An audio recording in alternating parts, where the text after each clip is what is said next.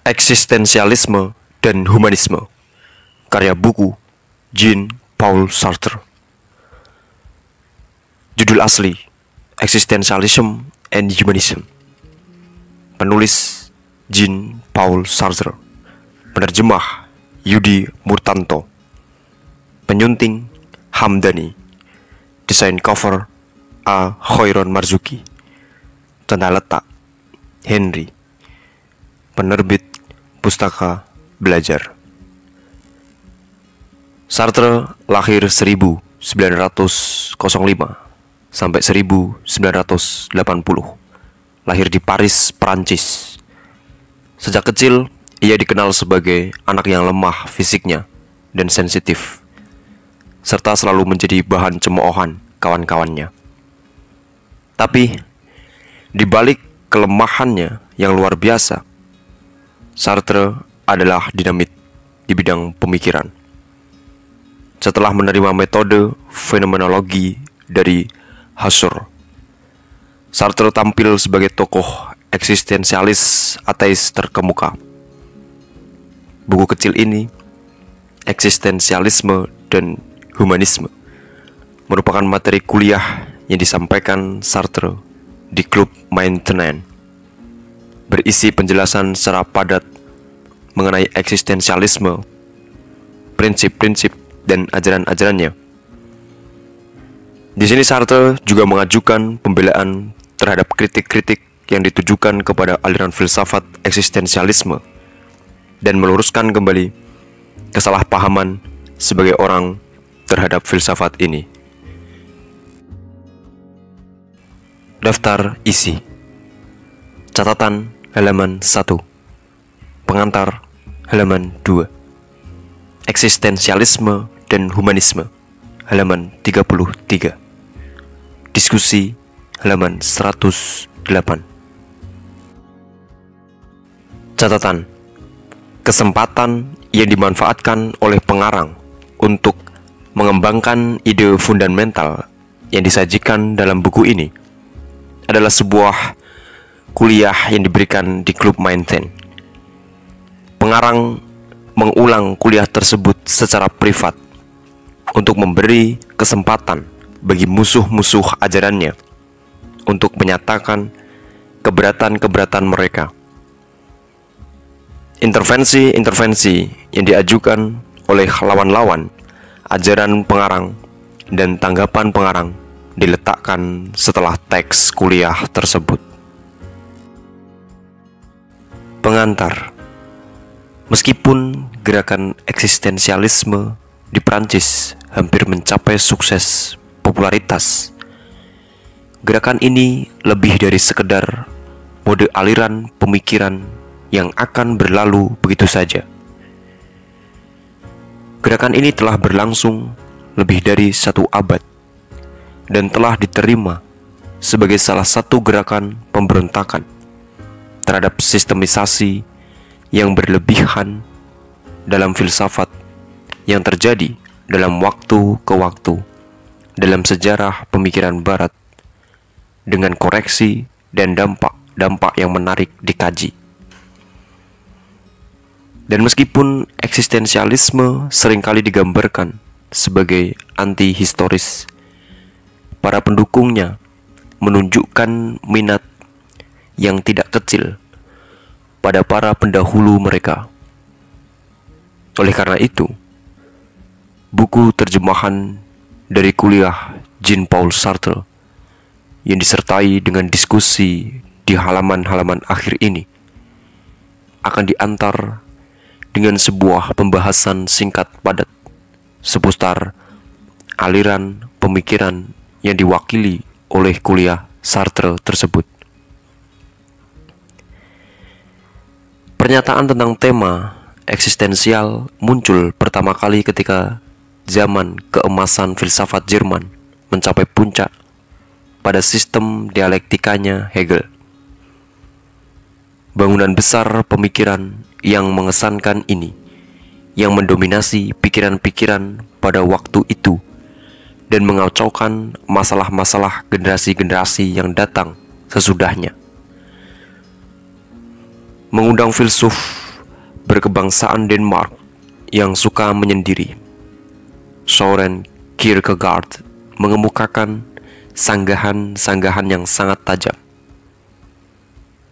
Orang hebat ini yang semua pemikir eksistensial mengakui pengaruhnya. Menjalani hidupnya dengan cara yang amat sulit dicari tandingannya. Seperti halnya Oblomov. Dan dengan kekayaan batin yang bahkan lebih kaya dibandingkan dengan drama-drama emosional mana pun serta dengan aktivitas intelektual yang fenomenal. Tidak seorang pun mulai dari yang berjiwa gelisah sampai pemikir-pemikir yang berpikiran jernih dan cepat tanggap menolak ajaran yang ditawarkan orang ini sebagai inspirasi yang tidak berguna. Permasalahan yang senantiasa ia kemukakan untuk menentang para filsuf-filsuf besar pendukung sistemisasi filsafat. Aslinya seperti yang ia sajikan dalam presentasinya, kaya dengan humor, ilustrasi, dan anekdot. Sebenarnya, gagasan Kierkegaard bukanlah ide yang baru. Ia melihat bahwa kebanyakan filsafat bukanlah kebijaksanaan yang lahir dari kehidupan, melainkan hanyalah kebijaksanaan tentang kebijaksanaan dan hanya sedikit berkaitan dengan kehidupan.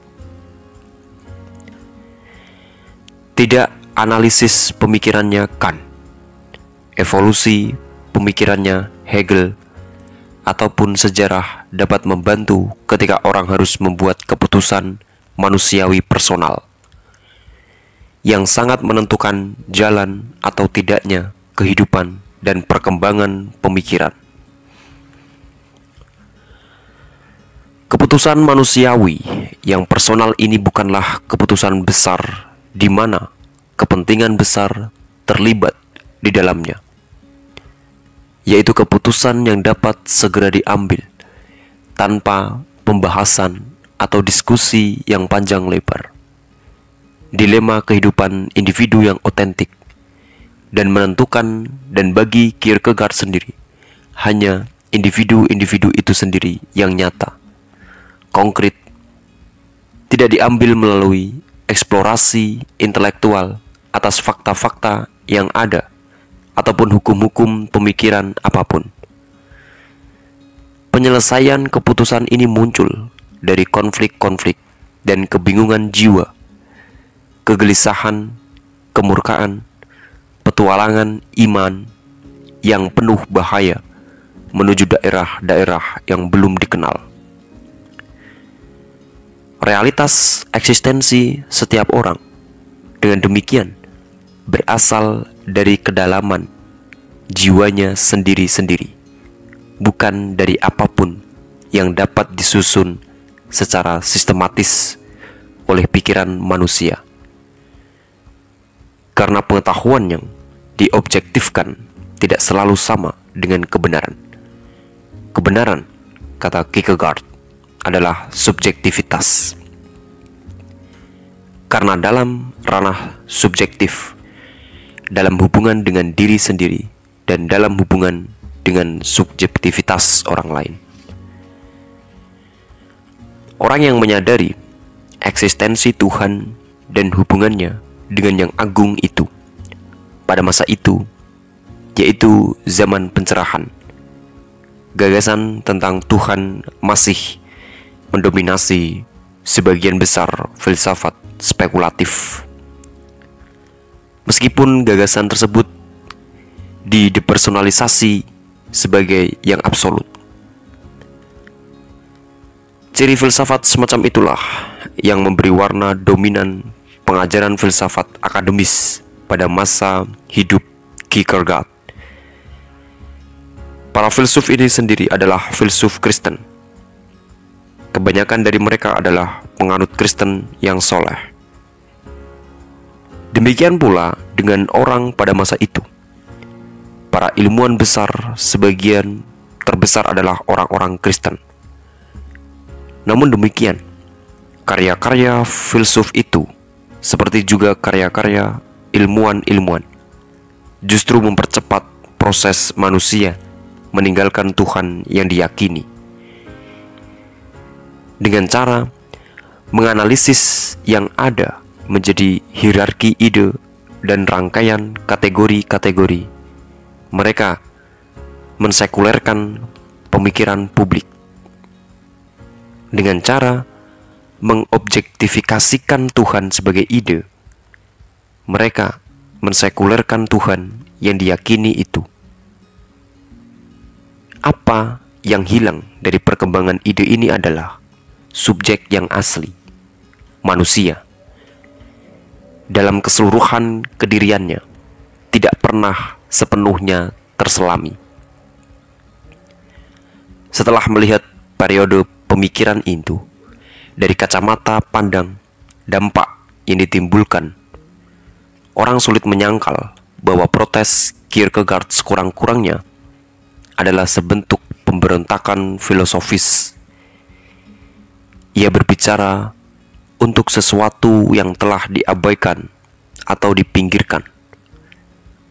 Sebagai akibatnya, karya-karya penulis besar ini dalam pengertian yang umum diterima lebih bernuansa teologis daripada filosofis. Namun demikian, bakat Kierkegaard dalam hal metafisik tidak terbantahkan. Pembahasan masalah-masalah metafisik tersebut sebagian besar dituliskan dalam bagian-bagian terpenting karyanya. Perlu dicatat bahwa sumbangan-sumbangan positif filsuf besar ini nampak dalam ranah estetik, etik, dan apa yang disebut psikologi spirit atau jiwa. Dengan menolak mistisisme, seperti halnya ia menolak pemikiran-pemikiran filosofis yang abstrak. Kierkegaard mendasarkan posisinya pada manusia individu di sini dan kini. Manusia dengan hasrat dan kegelisahannya. Kebanyakan argumen Kierkegaard didasarkan secara terbuka pada pengalaman-pengalaman personal, termasuk di dalamnya pengalaman krisis erotis dalam kehidupannya yang digambarkan secara eksternal tidak menarik. Ia menulis manusia sebagai makhluk dengan hasrat menuju kebahagiaan, menuju kebahagiaan eksternal. Dan apabila definisi manusia tersebut bukan definisi yang dimaksudkan Kierkegaard, definisi tersebut adalah satu-satunya jenis manusia yang ia tuliskan atau harapkan dapat memahaminya. Tiga penyelesaian masalah hasrat manusia digali dalam tulisan-tulisannya. Hasrat estetik, etik, dan religius. Secara sistematis dan memadai untuk memberi bentuk dan kesatuan keseluruhan karyanya. Metode penulisan yang sangat tidak ortodoks, rentang emosional, yang membentang dari pernyataan-pernyataan yang menyiratkan kesalehan yang paling dalam sampai pembahasan panjang lebar tentang hal-hal remeh-temeh yang mengesankan kesembronoan mungkin meninggalkan kesan yang lebih terasa dibandingkan substansi ketidakortodokannya yang tidak mudah untuk ditandai untuk menjaga cakrawala pemahaman yang luas sebagai seorang penulis religius. Tetapi sebagai seorang penulis religius, ia pertama-tama dan terutama atas keseluruhan pemberontakannya pada gereja Protestan, di mana ia sempat berkarya sebagai pengkhotbah atau pendeta Maksud utamanya adalah penemuan kembali dan pembuktian iman tradisional. Seperti yang ia tuliskan dalam final postscriptnya, motif yang menjiwai keseluruhan tulisannya adalah hasrat untuk membaca sendiri teks asli hubungan eksistensi-eksistensi manusia individual, teks tua yang telah kita kenal, yang diwariskan dari nenek moyang, membaca kembali teks tersebut sekali lagi. Apabila mungkin secara lebih personal. Personal adalah kata kunci. Bahkan sekarang, 100 tahun sesudahnya, Kierkegaard masih memiliki kekuatan yang luar biasa untuk membangun kontak personal yang intim dengan para pembacanya, yaitu membuat orang merasa bahwa apa yang ia baca ditujukan secara personal kepadanya. Dalam hal ini, yang merupakan pengungkapan contoh yang paling baik yang mungkin dilakukan dari doktrin filsuf besar ini. Kierkegaard tidak diragukan lagi adalah tokoh eksistensialis yang paling besar dan juga yang pertama. Namun demikian, kematiannya ditandai dengan penolakan yang ekstrim atas ajaran-ajarannya. Kecuali di sebagian kecil wilayah Jerman, ajaran-ajarannya tetap secara praktis tidak dikenal di luar negaranya sampai abad ini dan pengalihan bahasaan karya-karyanya secara berurutan ke dalam bahasa Inggris baru terjadi dalam rentang 10 tahun terakhir ini. Selama kekacauan intelektual antara dua perang besar pengaruh Kierkegaard mulai menguat di Jerman dan dikaitkan dengan aliran pemikiran pasca Nietzschean. Karena Nietzsche yang nampak tidak pernah mendengar apa pun tentang Kierkegaard adalah seorang eksistensialis dalam penekanannya yang hampir romantik pada hasrat, kegelisahan, dan keputusan manusia individual dan mengesankan pemahaman yang mirip dengan permasalahan kemanusiaan yang tragis dalam peradaban masyarakat modern. Kedua pemikir tersebut tentu saja adalah dua kutub yang berbeda satu sama lain. Namun demikian, ini berarti bahwa semesta gagasan yang didefinisikan oleh posisi relatif keduanya adalah satu semesta yang sama. Bahkan penolakan mentah-mentah Nietzsche atas Kristianitas, yaitu pernyataan negatif tentang kuasa gereja atas individuasi manusia yang utuh, mempunyai kesamaan dengan penolakan Kierkegaard yang juga ekstrim pada tradisi imamat. Supermannya Nietzsche dan kesatria pembela imannya Kierkegaard. Keduanya adalah konsepsi transendensi hasrat manusia dan intelektualisme melalui kekuatan integritas dari dalam diri sendiri yang murni. Meskipun yang satu adalah integritas melalui pengetahuan dan kemampuan yang hebat, seorang guru, dan yang satunya integritas melalui ketaatan seorang budak atau pelayan. Kedua idealisme tersebut sekurang-kurangnya sebangun dalam hal kualitas subjektivitasnya. Bagaimanapun juga, perpaduan dua pengarang yang berbeda tersebut menunjukkan ambiguitas dari apa yang kita namakan doktrin eksistensial.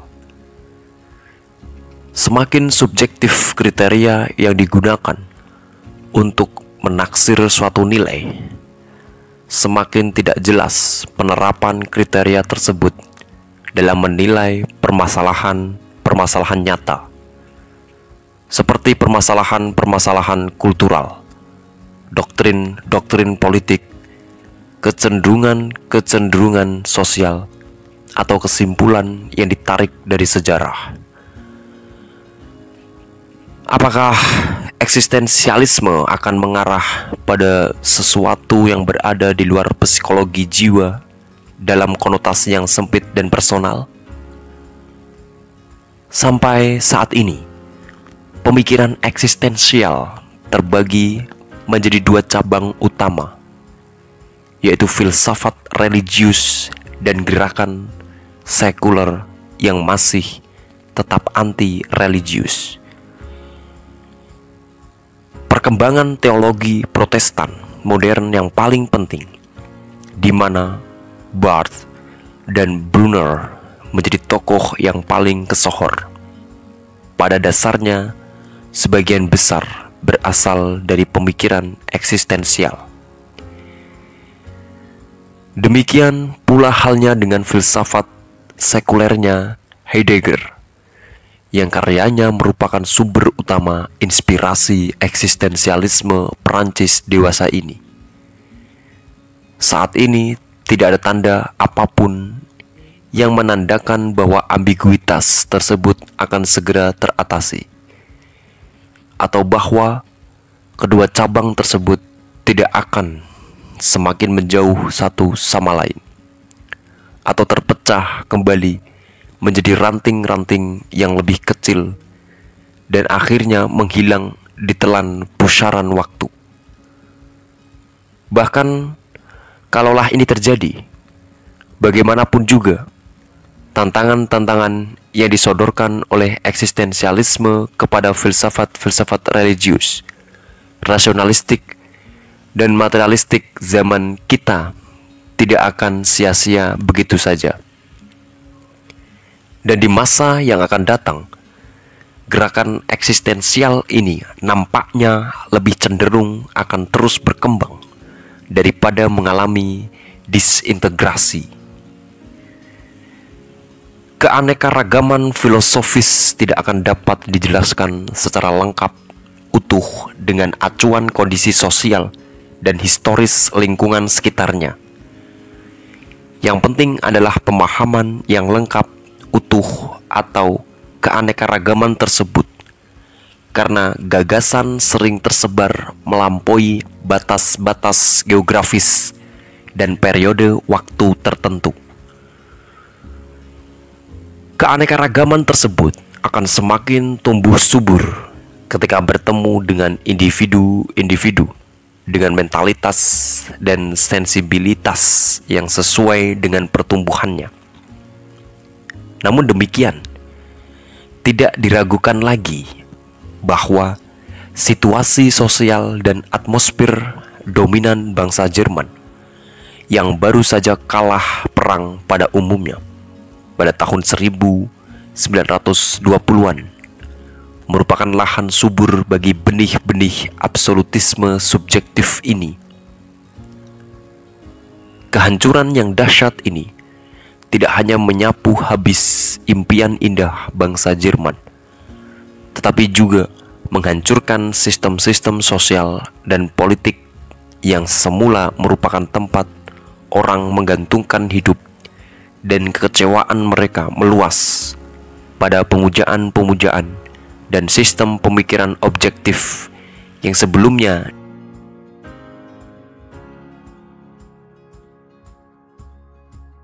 diasosiasikan dengan sistem yang runtuh itu. Dalam situasi dan kondisi semacam ini, orang berusaha kembali pada akar pengetahuan mereka untuk mencari landasan hidup yang lebih aman. Mereka siap mempertanyakan otentisitas seluruh kepercayaan-kepercayaan, prinsip-prinsip, dan intuisi-intuisi yang ada di sekitar mereka. Mereka menjadi lebih bergairah mencari kebenaran dalam ranah subjektif dan psikologis. Kekhawatiran akan ketidakamanan lingkungan sekitar dan analisis pencarian penyebab-penyebabnya sangat erat berkaitan dengan motif eksistensial dalam tulisan-tulisan Carl Jasper. Jasper adalah seorang profesor filsafat di Heidelberg. Ia adalah salah satu dari dua pemikir pemuka eksistensialisme Jerman. Karyanya Man in the Modern Age terutama adalah sangkaan yang kuat pada kemajuan masyarakat peradaban teknologis yang dianggap Jasper sebagai penyakit sosial. Semakin besarnya ketergantungan pada kriteria pemikiran objektif harus dibayar dengan semakin terpinggirkannya eksistensi manusia yang sebenarnya tidak kalah tragis dibandingkan Spengler yang pengaruhnya sangat kuat terasa dalam karya-karya awal Jasper. Ia memprediksikan kemunduran dunia barat. Bagi Jasper, fatalitas yang melekat dalam kebudayaan barat adalah dampaknya pada pemikiran individu. Dunia sekitar individu-individu barat menjadi semakin penuh sesak dengan sistem pemikiran objektif dan mekanistik sehingga kehendak individu semakin terdesak. Penaklukan diri pemikiran manusia pada rasionalisme dan keahlian manusia pada teknik mengandung konsekuensi yang meski menghibur manusia dengan perasaan bahwa ia mengalami kemajuan, namun memaksa manusia modern mengingkari atau menolak kekuatan fundamental dari dalam hidupnya sendiri. Kekuatan fundamental ini pada gilirannya nanti akan berbalik menjadi kekuatan yang menghancurkan. Semakin objektivitas menguat, sama artinya dengan binasanya eksistensi. Jaspers menyatakan bahwa jika logika kemajuan teknik memang benar-benar akan mengantarkan pada kehancuran eksistensi manusia di dunia saat ini, maka tidak ada lagi yang dapat menghambat proses tersebut. Mungkin pernyataan tersebut lebih terasa kebenarannya sekarang daripada dulu ketika Jaspers menuliskannya. Jaspers mengaku diri sebagai penganut Katolik. Ia melihat bahwa tidak ada jalan keluar untuk mengatasi dampak buruk kebudayaan kita, kecuali dalam penerimaan pengakuan manusia modern bahwa meskipun ia tidak dapat menjadi lain selain makhluk yang bebas, ia juga tidak akan pernah dapat memenuhi segala kebutuhan sendiri. Ia bebas untuk membuka hidupnya, meski dalam penderitaan. Bagi kuasa Tuhan yang hidup atau bertegar hati menolak dan mengingkarinya. Dengan demikian, argumentasi Jaspers memuncak pada filsafat religius yaitu filsafat yang mungkin kurang atau lebih dapat diasimilasikan dengan tradisi Kristen, seperti filsafatnya Kierkegaard. Meskipun demikian, sementara kekhawatiran Kierkegaard akan kiamat Kristianitas yang termekanisasikan sering kali secara mengagumkan terbukti Kekhawatiran filsuf Denmark tersebut adalah intuisi yang menjelajahi fenomena awal abad ke-19 di Eropa sampai dampak-dampak buruknya di masa depan. Nasib dunia Jaspers adalah dunia yang telah mengalami dampak buruk kebudayaan barat dan studi tentang kondisi manusia sekuler menjadi bagian terbesar karya-karyanya. Banyak pembelaan Jasper pada subjektivitas adalah demonstrasi konsekuensi sekular atas pengingkaran subjektivitas.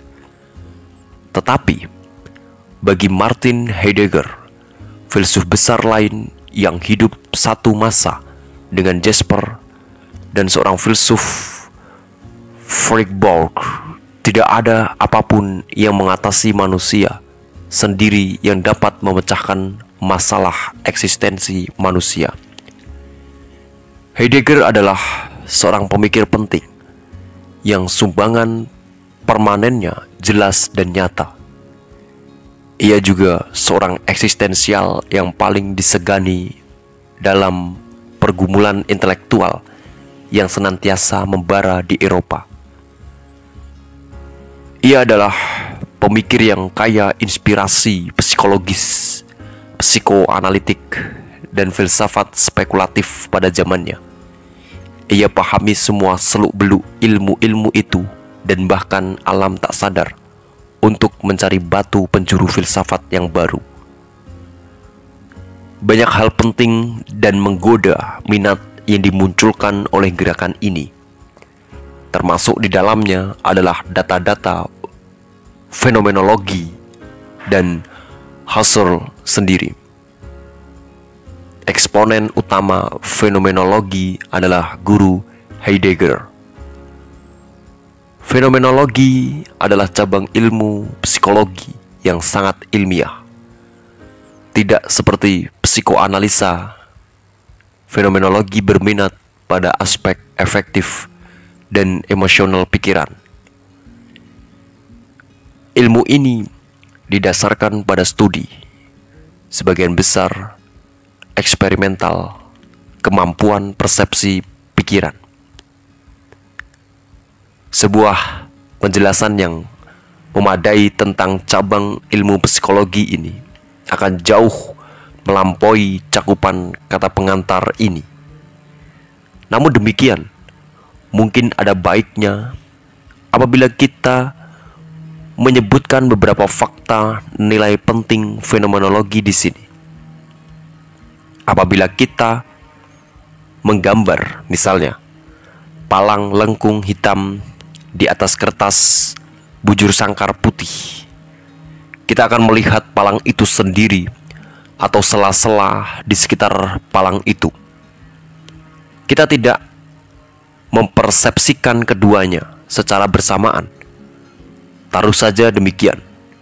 Anggap saja bagian yang hitam sebagai sela gambar sela. Kita akan melihat gambar sebuah bunga dengan empat helai kelopak konvensional pada gambar putih yang berlatar belakang warna hitam. Apa yang membuat kita mempersepsikannya sebagai palang atau bunga? Seorang tukang kebun mungkin akan lebih besar kemungkinannya mempersepsikannya sebagai bunga sedangkan seorang militer akan melihatnya sebagai palang. Persepsi tergantung pada elemen-elemen pilihan yang telah ada sebelumnya.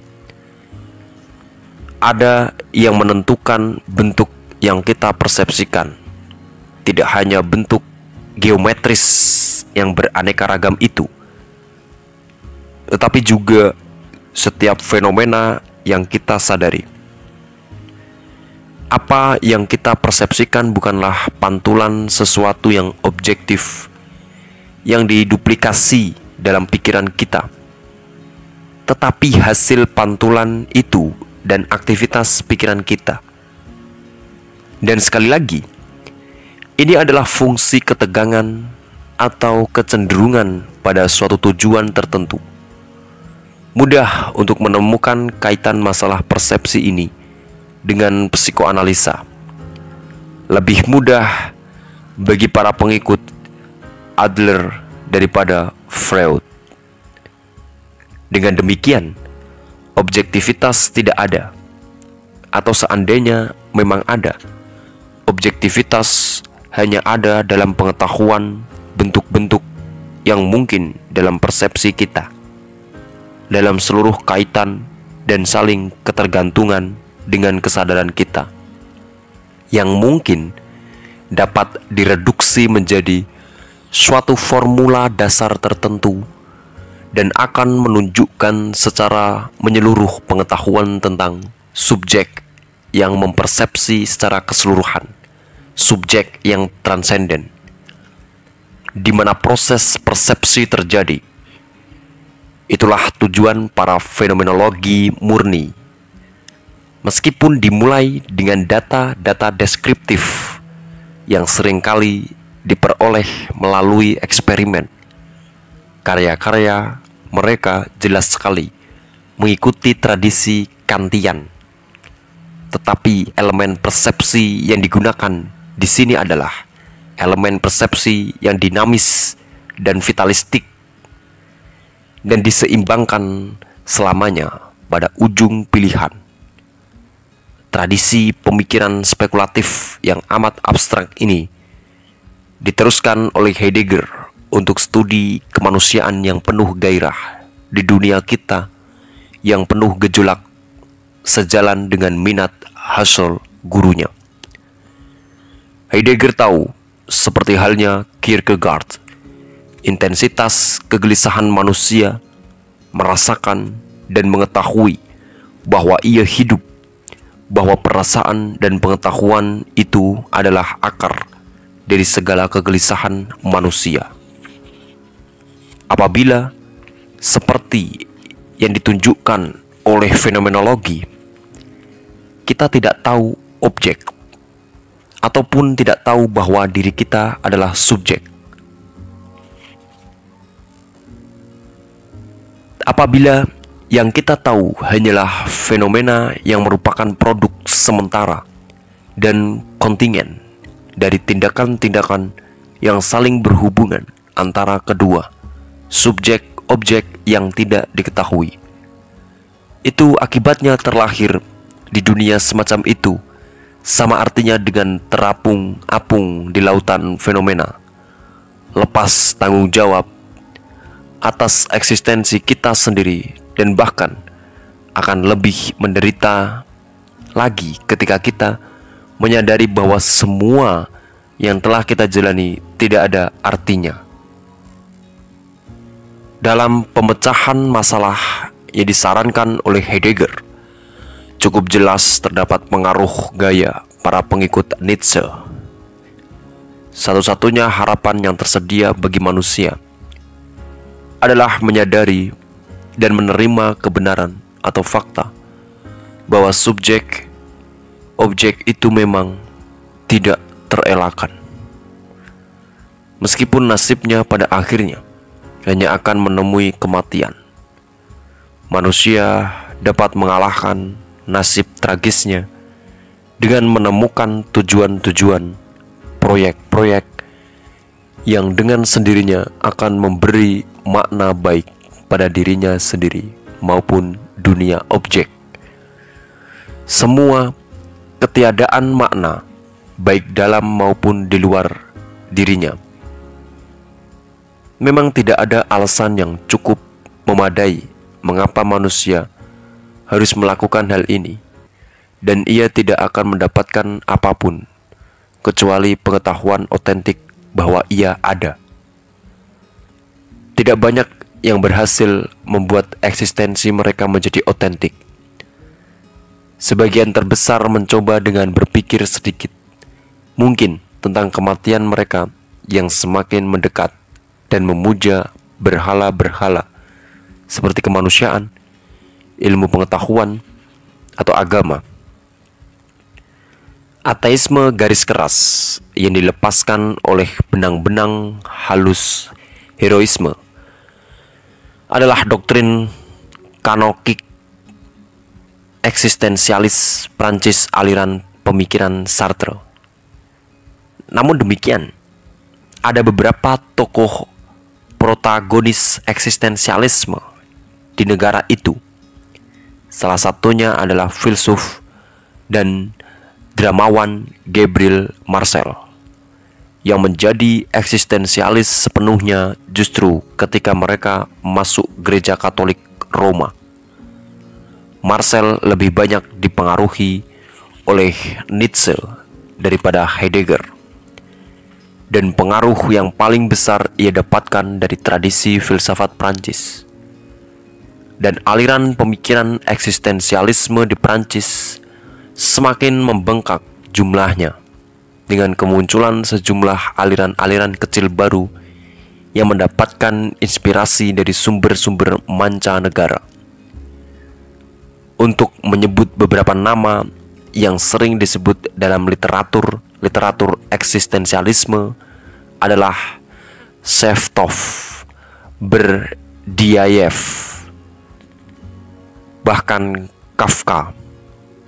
Memang para pemikir itu mempunyai gagasan-gagasan yang sama atau minimal serupa tentang krisis dan ancaman yang mengancam eksistensi subjektivitas. Aneka macam kesaksian kondisi eksistensi subjektivitas ini meskipun menegaskan bahwa eksistensialisme adalah sebuah gerakan spontan dalam pemikiran Eropa pada waktu itu tidak banyak untuk tidak mengatakan tidak, menjelaskan ambiguitas aspek politik dan religius aliran pemikiran ini. Namun, kemenduaan inilah yang justru memungkinkan eksistensialisme menyediakan suatu forum dan bahasa di mana para tokoh agama, idealis sekuler, dan anti agama dapat melakukan pembahasan tentang masalah-masalah manusia yang paling penting dan masalah-masalah umum lainnya. Fungsi inilah yang menjadi mungkin oleh personalisme yang intens, metode eksistensial yang mengesahkan M. Sartre mempertahankan filsafat ini sebagai filsafat humanis. Sebenarnya, eksistensialisme merupakan sebuah reformasi dan sekaligus formasi humanisme. Bagi para pendiri tradisi humanistik ini, manusia terlahir sebagai baik atau sekurang-kurangnya secara etis netral sampai filsafat yang korup dan intuisi-intuisi yang tidak adil mengubah kehendaknya.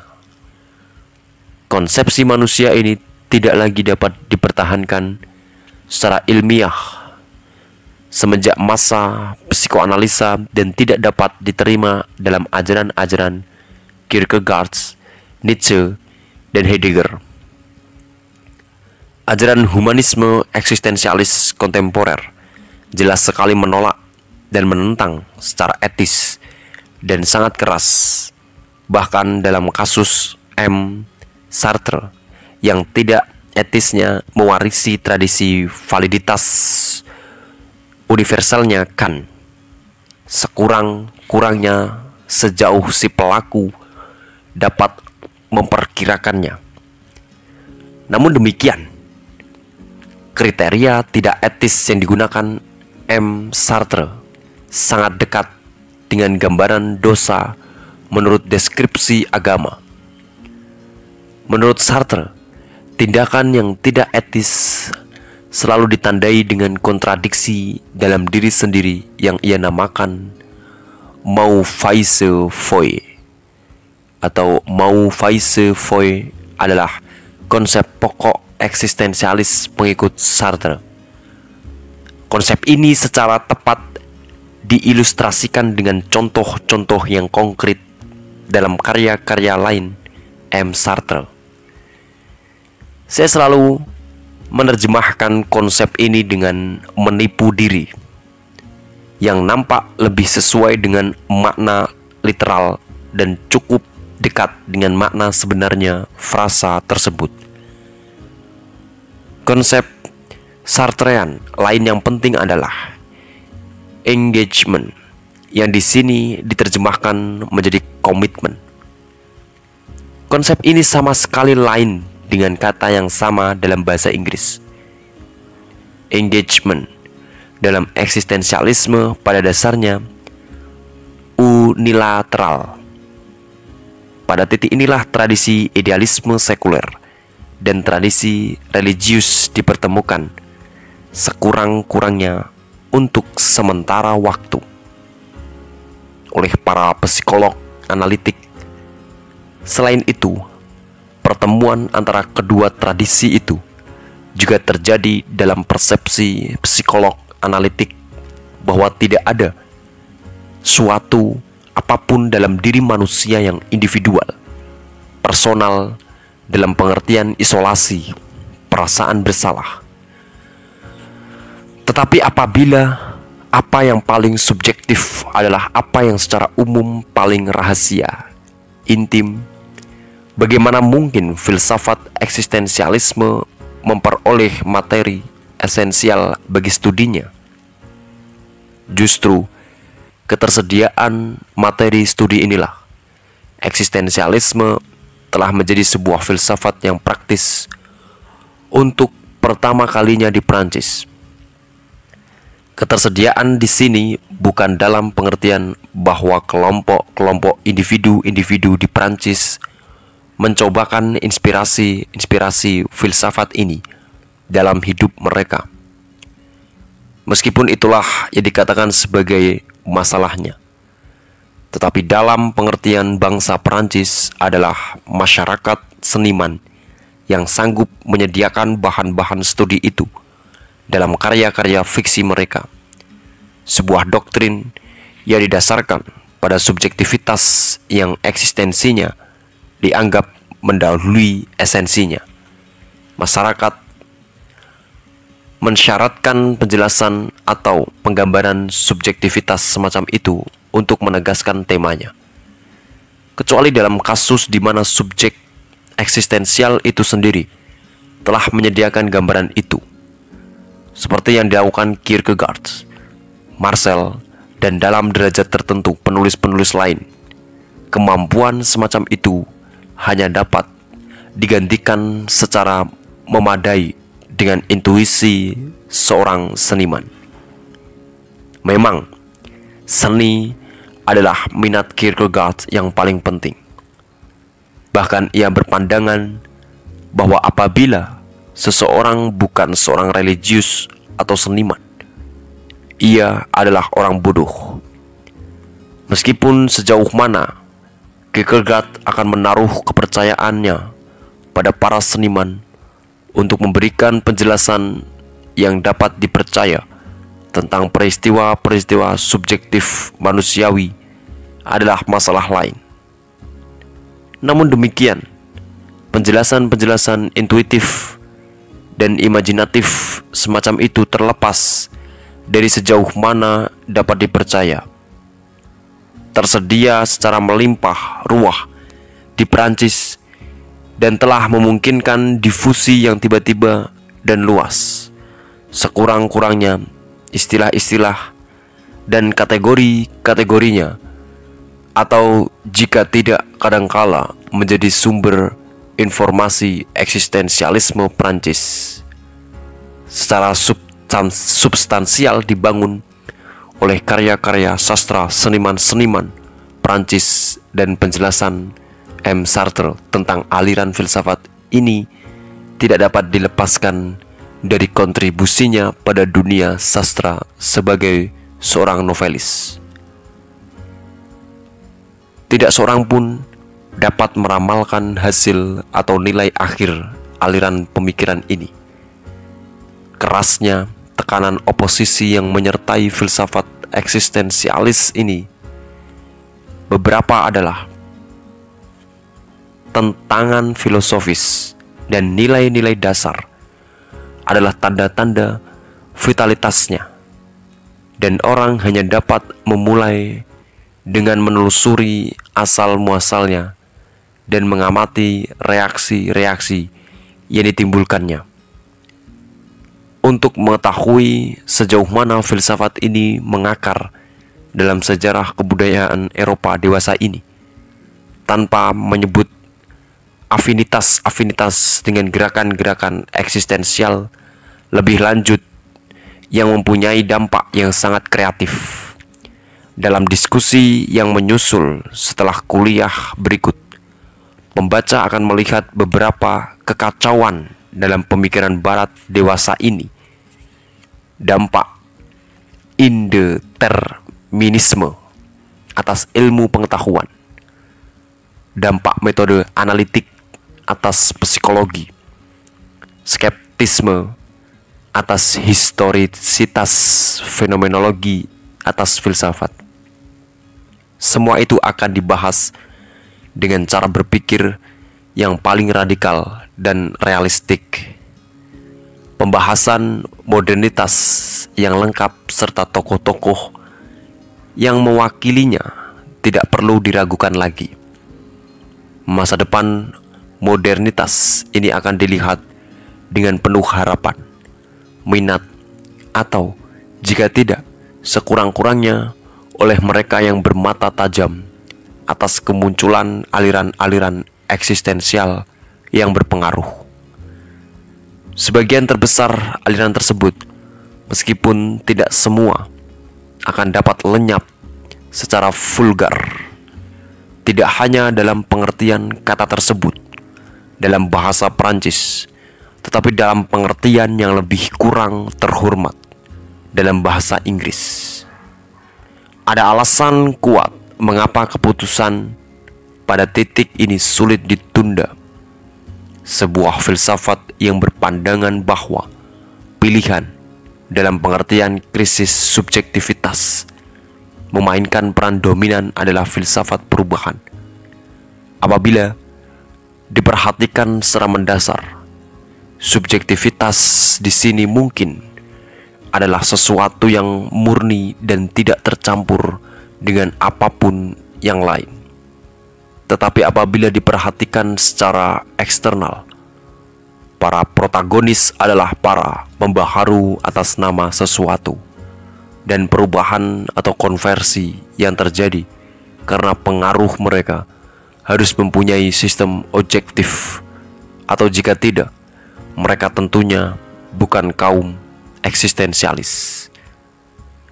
Memang hal ini mungkin saja menjadi sebab munculnya pengikut-pengikut palsu aliran ini yang eksistensialismenya dimanfaatkan untuk mendesain karakter-karakter tokoh-tokoh yang secara konkret lebih persuasif.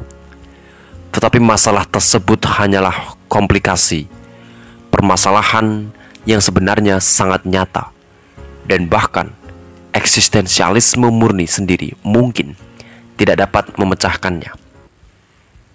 Memang permasalahan ini mungkin tidak akan terpecahkan. Kecenderungan merubah ini dalam kuliah M. Sartre terarah pada suatu aktivitas politik yang di mata sebagian besar orang seperti teman diskusinya M. Nafile misalnya akan berseberangan dengan nilai dasar doktrin yang ia anut sendiri bagi M. Sartre kebebasan adalah nilai yang paling tinggi. Sebagai filsuf kebebasan inilah sumbangan M. Sartre yang paling brilian dan mengharumkan tradisi pencerahan negerinya. Namun ia sendiri belum mempraktekkan dalam hidupnya implikasi-implikasi politis kebebasan absolut itu. Selain itu, ia sendiri juga belum memperkembangkan konsekuensi subjektif implikasi-implikasi politis itu sedalam atau sejauh yang pernah dilakukan oleh Kierkegaard masih jauh di belakang filsuf Denmark itu. Jika ia mempraktekannya, menurut pengamatan Profesor Sandrat, nilai filosofis inherent dalam premis dasarnya pastilah akan mengantarkannya menjadi orang yang bertuhan. Sekurang-kurangnya, pendapat tersebut mendapat bukti dari fakta bahwa M. Sartre mengangkat permasalahan, pertanyaan, kegelisahan yang dirasakan oleh banyak orang di zamannya, yaitu penolakan saintisme dogmatik, eksistensialisme, dan humanisme. Tujuan saya di sini adalah mengajukan pembelaan pada eksistensialisme untuk melawan beberapa kritik yang ditujukan pada aliran filsafat ini. Pertama, eksistensialisme dikritik sebagai gerakan yang mengundang orang untuk tinggal tenang dalam keputusasaan. Karena apabila setiap cara pemecahan masalah terhambat, orang harus menganggap bahwa setiap tindakan yang diambil di dunia ini sebagai tidak efektif. Dan akhirnya, orang akan sampai pada suatu filsafat kontemplatif. Lebih jauh lagi, karena kontemplasi adalah sebentuk kemewahan. Kemudian apa yang akan ditemukan hanyalah filsafat berjuis lain. Kritik ini terutama dibuat oleh kelompok komunis. Dari sumber yang lain, kita dituduh menggarisbawahi semua yang memalukan tentang situasi manusiawi. Karena kami menggambarkan apa yang kasar, jorok, atau kotor untuk menghindari hal-hal tertentu yang memiliki pesona dan keindahan, termasuk sisi yang lebih terang watak manusia. Misalnya, Menurut seorang kritikus Katolik, Mille Mercier, kami melupakan bagaimana seorang bayi tersenyum. Dan hal ini, kata kelompok komunis, disebabkan oleh pilihan mendasarkan doktrin kita pada subjektivitas murni, pada dogma kartesian. Saya berpikir yaitu momen di mana seorang manusia yang sendirian ketika mencapai dirinya sendiri. Sebuah posisi yang sama sekali tidak memungkinkan orang tersebut untuk mendapatkan kembali solidaritas dengan orang-orang lain yang berada di luar dirinya. Ego tidak dapat menjangkau orang lain melalui cogito. Dari perspektif Kristen, kita dikritik sebagai orang-orang yang mengingkari realitas dan masalah-masalah manusia yang serius. Karena semenjak kita tidak mengindahkan perintah Allah dan semua nilai yang dianggap abadi, tidak ada lagi yang tinggal kecuali apa yang sepenuhnya menjadi kehendak manusia. Setiap orang dapat melakukan apa yang ia kehendaki dan tidak akan dapat lagi. Dari sudut pandang ini, menyalahkan sudut pandang ataupun tindakan orang lain. Terhadap kritikan-kritikan semacam itulah, saya akan berusaha memberikan tanggapan. Dengan alasan itu pula, saya akan memberi judul buku ini Eksistensialisme dan Humanisme. Banyak orang mungkin terkejut dengan penyebutan humanisme di sini. Namun demikian, kita akan membicarakan aliran ini dalam pengertian yang telah kita pahami bersama sejauh ini. Dalam kasus apa pun, kita dapat memulai dengan mengatakan bahwa eksistensialisme dalam pengertian kita adalah sebuah doktrin yang benar-benar memungkinkan hidup manusia menjadi mungkin. Eksistensialisme juga sebuah doktrin yang mengafirmasikan bahwa setiap kebenaran dan tindakan menyatakan baik suatu lingkungan maupun suatu subjektivitas manusiawi.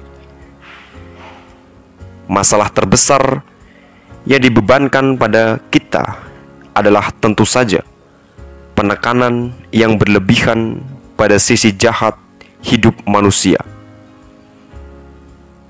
Beberapa waktu yang lalu, saya mendengarkan cerita tentang seorang wanita yang selalu mengucapkan ekspresi yang vulgar ketika sedang nervous.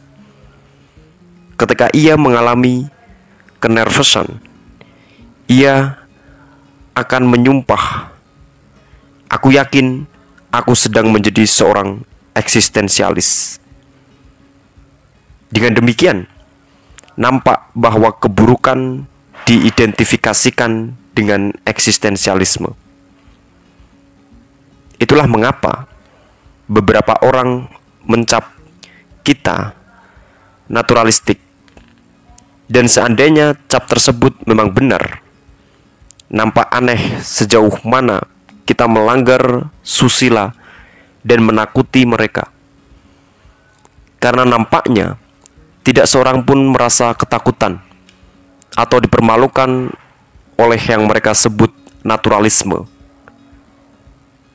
Mereka yang merasa kecewa pada novel karya-karya Zola seperti La Terre akan segera merasa muak ketika membaca novel eksistensialis.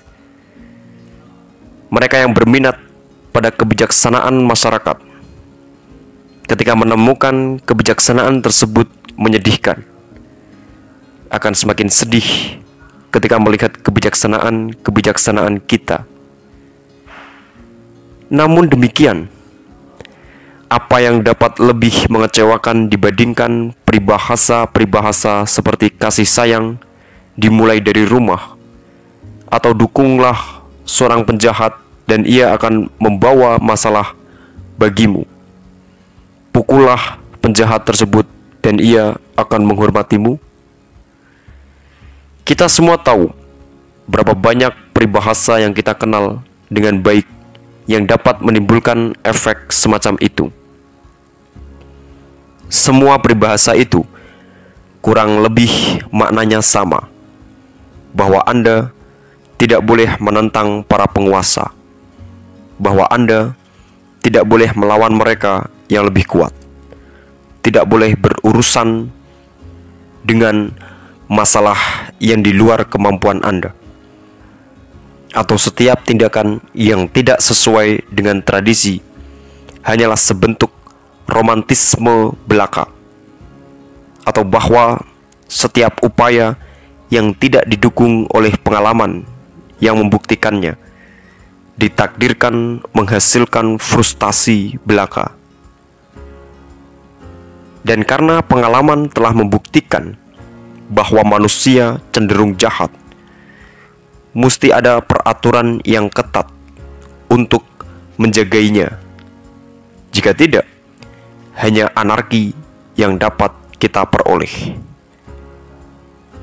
Namun demikian, masih ada juga orang yang selamanya mempercayai peribahasa-peribahasa yang menyedihkan ini ketika mendengar tindakan-tindakan yang kurang lebih menjijikkan, mereka hampir pasti akan berkata, "Begitulah watak manusia." Orang-orang semacam ini yang selalu berbicara tentang masalah yang membosankan, yang itu-itu saja tentang realitas, akan mengeluh bahwa eksistensialisme adalah pemikiran yang terlalu kelabu. Memang protes mereka yang berlebihan membuat saya curiga bahwa apa yang mengganggu mereka bukan pertama-tama kepesimisan kita, tetapi nampaknya justru optimisme kita. Karena pada dasarnya, apa yang menggelisahkan di dalam doktrin yang akan segera saya jelaskan pada masalah Anda adalah Apakah bukan yang ini? Bahwa eksistensialisme ini menghadapkan manusia pada kemungkinan pilihan. Untuk membuktikan, marilah kita ulas kembali keseluruhan masalahnya dalam level filosofis yang ketat. Lalu, apa yang kita namakan eksistensialisme itu? Sebagian besar orang yang menggunakan kata eksistensialisme pasti akan kebingungan ketika diminta menjelaskan apa makna kata itu.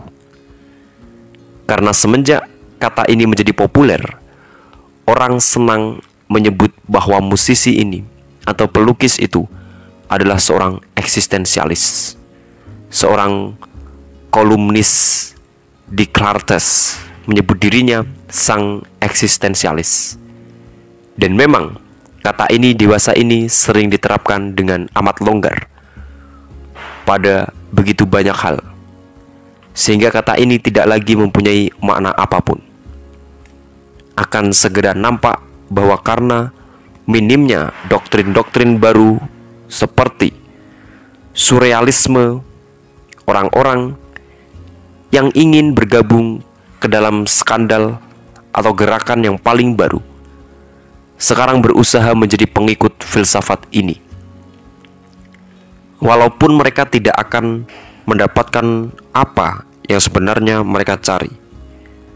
Karena sebenarnya filsafat ini di antara ajaran-ajaran filsafat lain adalah yang paling tidak melanggar susila dan sangat bermoral. Filsafat ini dimaksudkan secara khusus untuk para ahli subjek tertentu dan filosofis. Meskipun filsafat ini dapat dengan mudah didefinisikan. Permasalahannya hanya menjadi sedikit lebih rumit dengan adanya dua macam atau jenis eksistensialis. Kedua jenis eksistensialis ini adalah eksistensialis Kristen dan eksistensialis ateis. Dari antara eksistensialis Kristen, saya harus menyebutkan nama Jaspers dan Gabriel Marcel. Keduanya adalah eksistensialis Katolik Roma. Di antara eksistensialis ateis, kita dapat menyebut Heidegger dan juga para eksistensialis Prancis serta saya sendiri. Apa yang menjadi kesamaan antara kedua cabang eksistensialisme ini adalah bahwa kedua-duanya sama-sama meyakini bahwa eksistensi mendahului esensi. Atau apabila Anda berkenan, kita akan memulai dari subjektivitas. Apa persisnya yang kita maksud dengan subjektivitas ini? apabila kita memperhatikan suatu produk pabrik, seperti misalnya buku atau pisau pemotong kertas. Kita akan melihat bahwa benda tersebut dibuat oleh seorang yang sebelumnya telah mempunyai konsepsi mengenai benda tersebut. Orang tersebut memperhatikan baik konsepsi mengenai pisau pemotong kertas maupun pra-eksisten. Teknik produksi pisau tersebut yang merupakan bagian dari konsepsi tersebut. Dan yang paling mendasar, formula memproduksi pisau itu. Dengan demikian, pisau pemotong kertas itu pada saat yang sama adalah benda atau produk yang dapat diproduksi dengan cara-cara tertentu dan di sisi lain mempunyai fungsi tertentu, karena orang tidak akan dapat berandai-andai bahwa orang akan memproduksi pisau tersebut tanpa tahu akan digunakan untuk apa. Marilah kita anggap bahwa pisau pemotong kertas tersebut adalah esensinya. Dengan demikian, keseluruhan formula dan kualitas yang memungkinkan produksi dan definisi pisau tersebut mendahului eksistensinya. Ketika kita berpikir tentang Tuhan sebagai pencipta, biasanya kita berpikir Ia sebagai pencipta supernatural. Apa pun doktrin yang kita bicarakan, apakah itu doktrinnya Descartes atau Leibniz, kita selalu menyatakan bahwa kehendak mengikuti kurang lebih pemahaman atau sekurang-kurangnya menyertai kehendak. Sehingga ketika Tuhan mencipta, ia tahu persis apa yang ia ciptakan.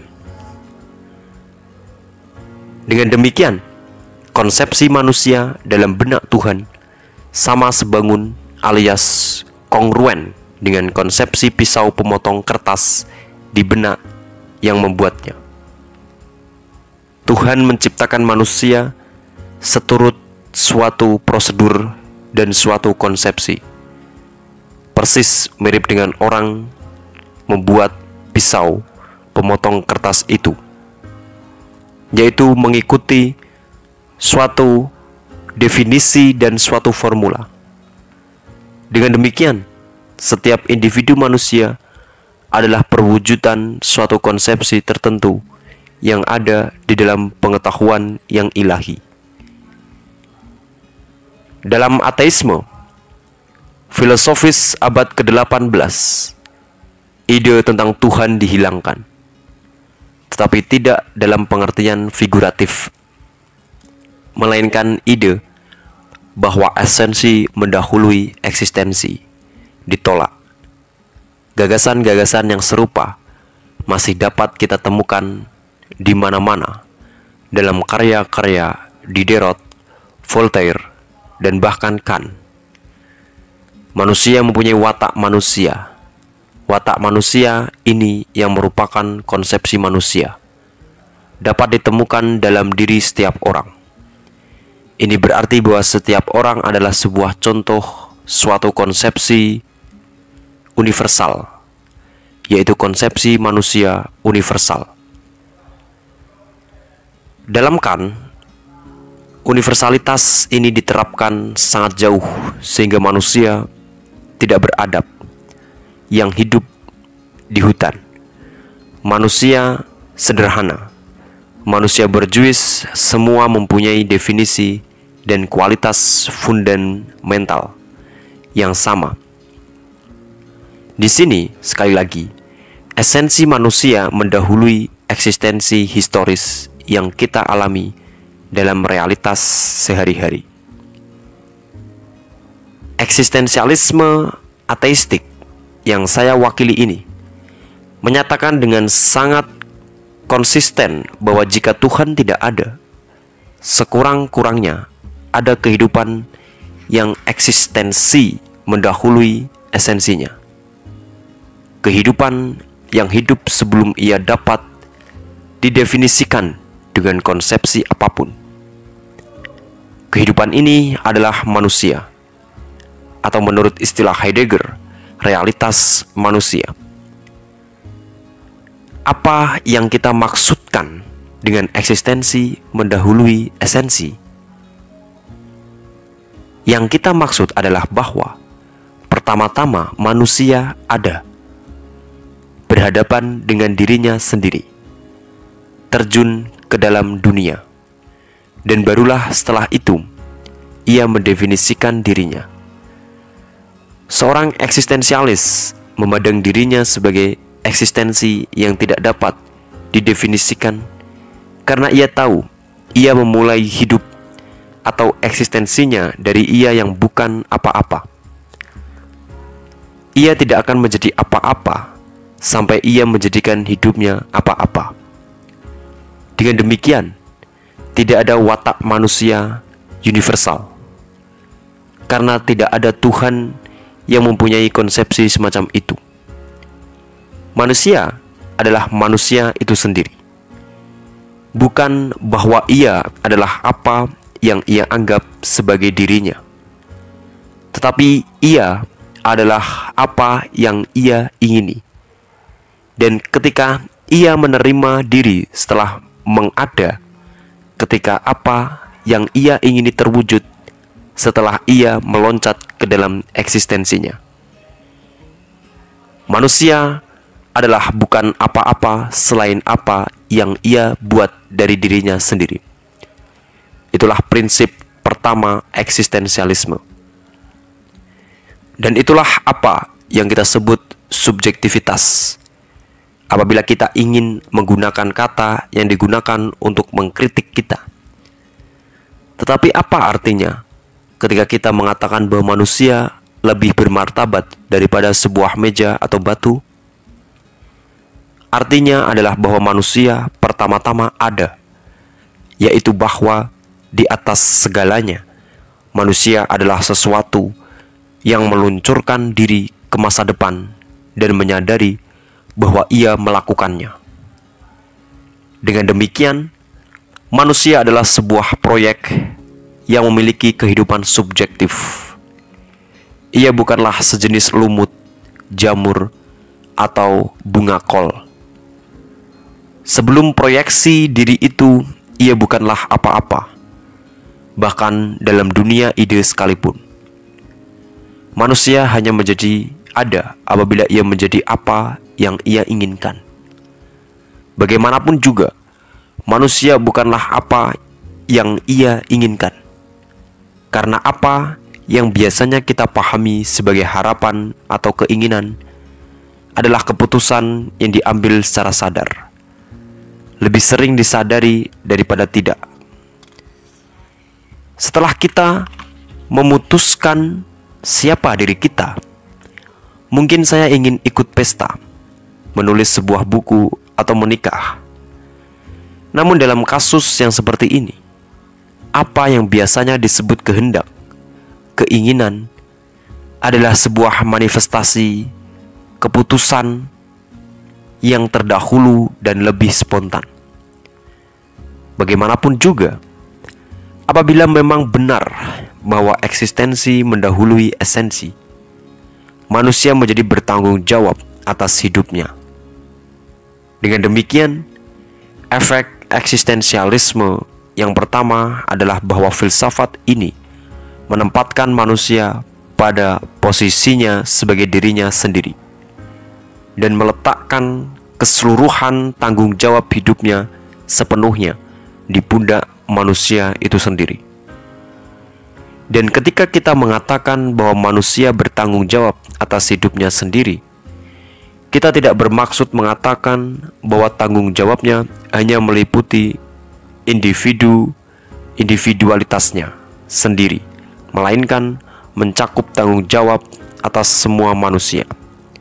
Kata subjektivitas harus dipahami dalam dua pengertian dan musuh-musuh kita hanya memahami salah satunya saja. Di satu sisi, subjektivitas berarti kebebasan subjek-subjek individual, dan di sisi lain, bahwa manusia tidak dapat melampaui subjektivitas. Adalah yang kedua yang memiliki makna eksistensialisme yang mendalam. Apabila kita mengatakan manusia memilih dirinya sendiri. Ini tidak berarti bahwa setiap orang dari antara kita harus memilih dirinya sendiri, tapi juga bahwa dalam memilih untuk diri sendiri, manusia memilih untuk semua. Karena efek dari tindakan-tindakan yang ia pilih untuk menciptakan dirinya, seperti keinginan, kehendaknya untuk menjadi tidak ada satu pilihan pun. Dan yang sekaligus merupakan citra manusia yang ia yakini mesti ia wujudkan yang tidak kreatif. Memilih keputusan ini atau itu pada saat yang sama adalah penegasan nilai yang kita pilih. Karena kita tidak pernah memilih pilihan yang paling buruk apa yang kita pilih selalu pilihan yang paling baik dan tidak ada satu pilihan pun yang lebih baik bagi kita kecuali pilihan-pilihan yang lebih baik bagi sesama manusia. Lebih jauh lagi, jika eksistensi mendahului esensi dan kita ingin mengada dan pada saat yang sama mewujudkan citra kita. Citra tersebut valid untuk semua manusia dan semua zaman di mana kita hidup. Dengan demikian, ternyata tanggung jawab kita jauh lebih besar daripada yang kita bayangkan. Karena tanggung jawab kita meliputi seluruh umat manusia. Jika misalnya saya adalah seorang pekerja dan kebetulan saya lebih memilih untuk bergabung dengan serikat pekerja Kristen daripada serikat pekerja komunis. Keputusan saya untuk memilih keputusan tersebut pertama-tama adalah sikap yang terbaik dalam menjadi manusia. Bahwa kerajaan manusia tidak di dunia ini. Saya tidak mengikat diri pada pandangan ini sendirian. Keputusan ini adalah keputusan saya bagi semua orang, dan tindakan saya adalah akibatnya. Sebuah komitmen atas nama semua umat manusia, atau jika mengambil kasus yang lebih personal, saya memutuskan untuk menikah, mempunyai anak. Meskipun keputusan ini bermula dari situasi saya, dari keinginan atau hasrat saya sendiri. Di sini saya mengikatkan tidak hanya diri saya sendiri, tetapi seluruh kemanusiaan pada praktek monogami. Dengan demikian, saya bertanggung jawab pada diri sendiri dan semua manusia. Dan saya menciptakan citra manusia seperti yang ingin saya wujudkan. Dalam mewujudkan diri saya, saya mewujudkan manusia. Penjelasan berikut ini membantu kita memahami apa yang dimaksud dengan istilah-istilah semacam ini. Mungkin agak sedikit sok hebat, penderitaan, pengingkaran, dan keputusasaan. Seperti yang akan Anda lihat, hal ini sangat mudah. Pertama, apa yang kita maksudkan dengan penderitaan? Seorang eksistensialis dengan jujur menyatakan bahwa manusia berada dalam penderitaan. Maksud pernyataan ini adalah sebagai berikut: ketika seseorang mengikatkan diri pada sesuatu, sepenuhnya menyadari bahwa ia tidak hanya memilih ia akan menjadi apa, tetapi juga sekaligus seorang legislator yang memutuskan bagi seluruh umat manusia dalam situasi seperti ini, ia tidak dapat lari dari rasa tanggung jawab yang komplit dan mendalam. Memang, ada banyak orang yang tidak nampak mengalami kegelisahan semacam itu. Tetapi kita tegaskan bahwa mereka hanyalah menyembunyikan atau melarikan diri dari penderitaan mereka. Tentunya, banyak orang beranggapan bahwa di dalam apa yang mereka lakukan, mereka tidak mengikatkan siapa pun kecuali diri mereka sendiri. Dan apabila Anda bertanya kepada mereka, apa yang akan terjadi jika semua orang bertindak seperti itu? Mereka akan menggerakkan bahunya dan menjawab, "Tidak semua orang melakukan tindakan seperti itu." Tetapi sebenarnya, orang seharusnya selalu menanyakan pada diri sendiri apa yang akan terjadi jika setiap orang melakukan seperti yang ia lakukan. Tidak seorang pun dapat melarikan diri dari pikiran yang mengganggu itu, kecuali suatu bentuk peninjauan diri.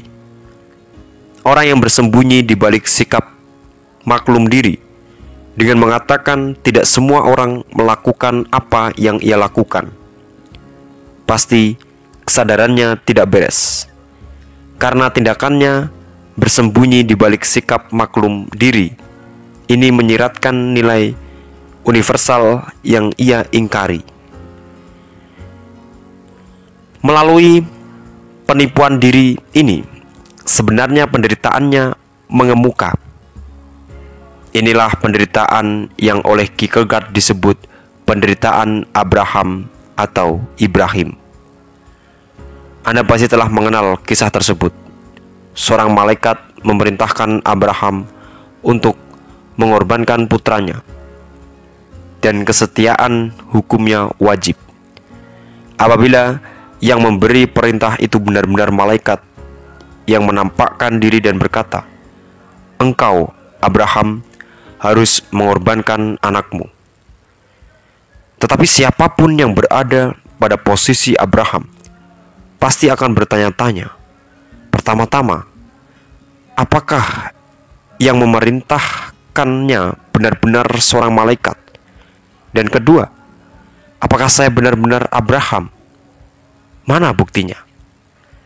Seorang wanita gila yang mengalami masalah halusinasi mengatakan bahwa orang-orang menelpon dan memberinya perintah. Dokter bertanya, Tetapi siapa yang bercerita dengan Anda? Ia menjawab, Dia berkata, yang berbicara Tuhan.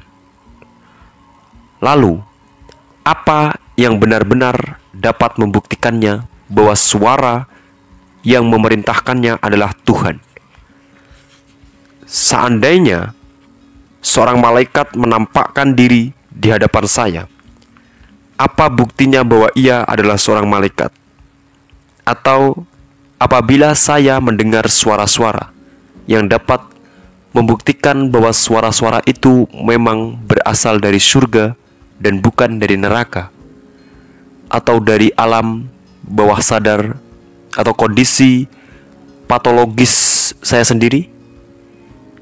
Siapa yang dapat membuktikan bahwa suara-suara tersebut memang ditujukan kepada saya? Kemudian, Siapa yang dapat membuktikan bahwa saya adalah orang yang tepat untuk memaksakan dengan pilihan saya sendiri konsepsi saya tentang manusia pada seluruh umat manusia? Saya tidak akan pernah dapat menemukan bukti apa pun. Tidak akan ada tanda apa pun yang akan menunjukkan pada saya. Seandainya ada suara yang berbicara kepada saya, Toh pada akhirnya masih tetap saya sendiri yang akan memutuskan apakah suara tersebut adalah suara malaikat atau bukan. Apabila saya melihat suatu tindakan itu baik, hanya saya sendiri yang memilih tindakan mana yang baik dan buruk. Tidak ada apa pun yang membuktikan bahwa saya adalah Abraham. Meskipun demikian, saya juga tetap wajib memilih tindakan-tindakan yang pantas menjadi teladan di setiap kesempatan. Apa yang terjadi pada setiap orang seolah-olah mata seluruh ras umat manusia memperhatikan apa yang ia lakukan dan menyesuaikan tindakan-tindakan mereka dengannya. Dengan demikian, setiap orang seharusnya berkata, Apakah saya benar-benar orang yang mempunyai hak untuk bertindak sedemikian rupa sehingga semua manusia menyesuaikan diri dengan apa yang saya lakukan? Apabila seseorang tidak merasakan kegelisahan ini, ia pasti menutup nutupi penderitaannya.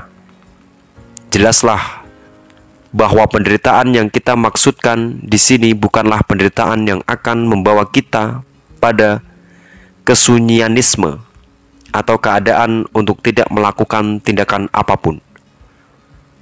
Penderitaan di sini adalah penderitaan yang murni dan sederhana, yaitu jenis penderitaan yang telah dikenal dengan baik oleh mereka yang telah dapat bertanggung jawab. Apabila, misalnya, seorang pemimpin militer mengambil tanggung jawab untuk melakukan serangan dan mengirimkan sejumlah anak buahnya kepada kematian mereka. Ialah yang memilih melakukan perintahnya, dan pada dasarnya ia sendirilah yang memilih. Jelas bahwa ia bertindak atas perintah atasannya, tetapi perintah tersebut yang merupakan perintah yang lebih umum membutuhkan tafsiran darinya dan pada tafsiran tersebut tergantung hidup 10, 14, atau 20 kehidupan. Dalam membuat keputusan itu, ia tidak dapat berbuat lain kecuali suatu penderitaan tertentu. Semua pemimpin tahu penderitaan ini Penderitaan ini tidak menghalangi tindakan mereka. Sebaliknya, ini ada prasyaratan dari tindakan mereka. Karena tindakan mengandaikan adanya bermacam-macam pilihan. Dan di dalam memilih salah satu dari sekian banyak pilihan tersebut. Mereka menyadari bahwa pilihan-pilihan itu hanya akan menjadi bernilai apabila pilihan itu diambil.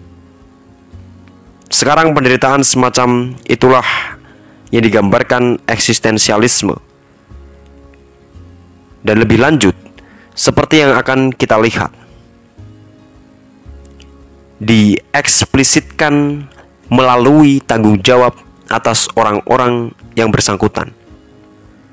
Kondisi ini bukanlah sebuah layar yang dapat memisahkan kita dari tindakan, melainkan merupakan prasyarat tindakan itu sendiri. Dan ketika kita berbicara tentang pengingkaran, kata favorit Heidegger yang kita maksudkan adalah bahwa Tuhan tidak ada dan penting untuk mengambil konsekuensi ketiadaannya ini sampai akhir. Para eksistensialis dengan sangat tegas menentang suatu tipe moralitas tertentu yang berusaha menghapuskan Tuhan dengan cara yang paling lemah.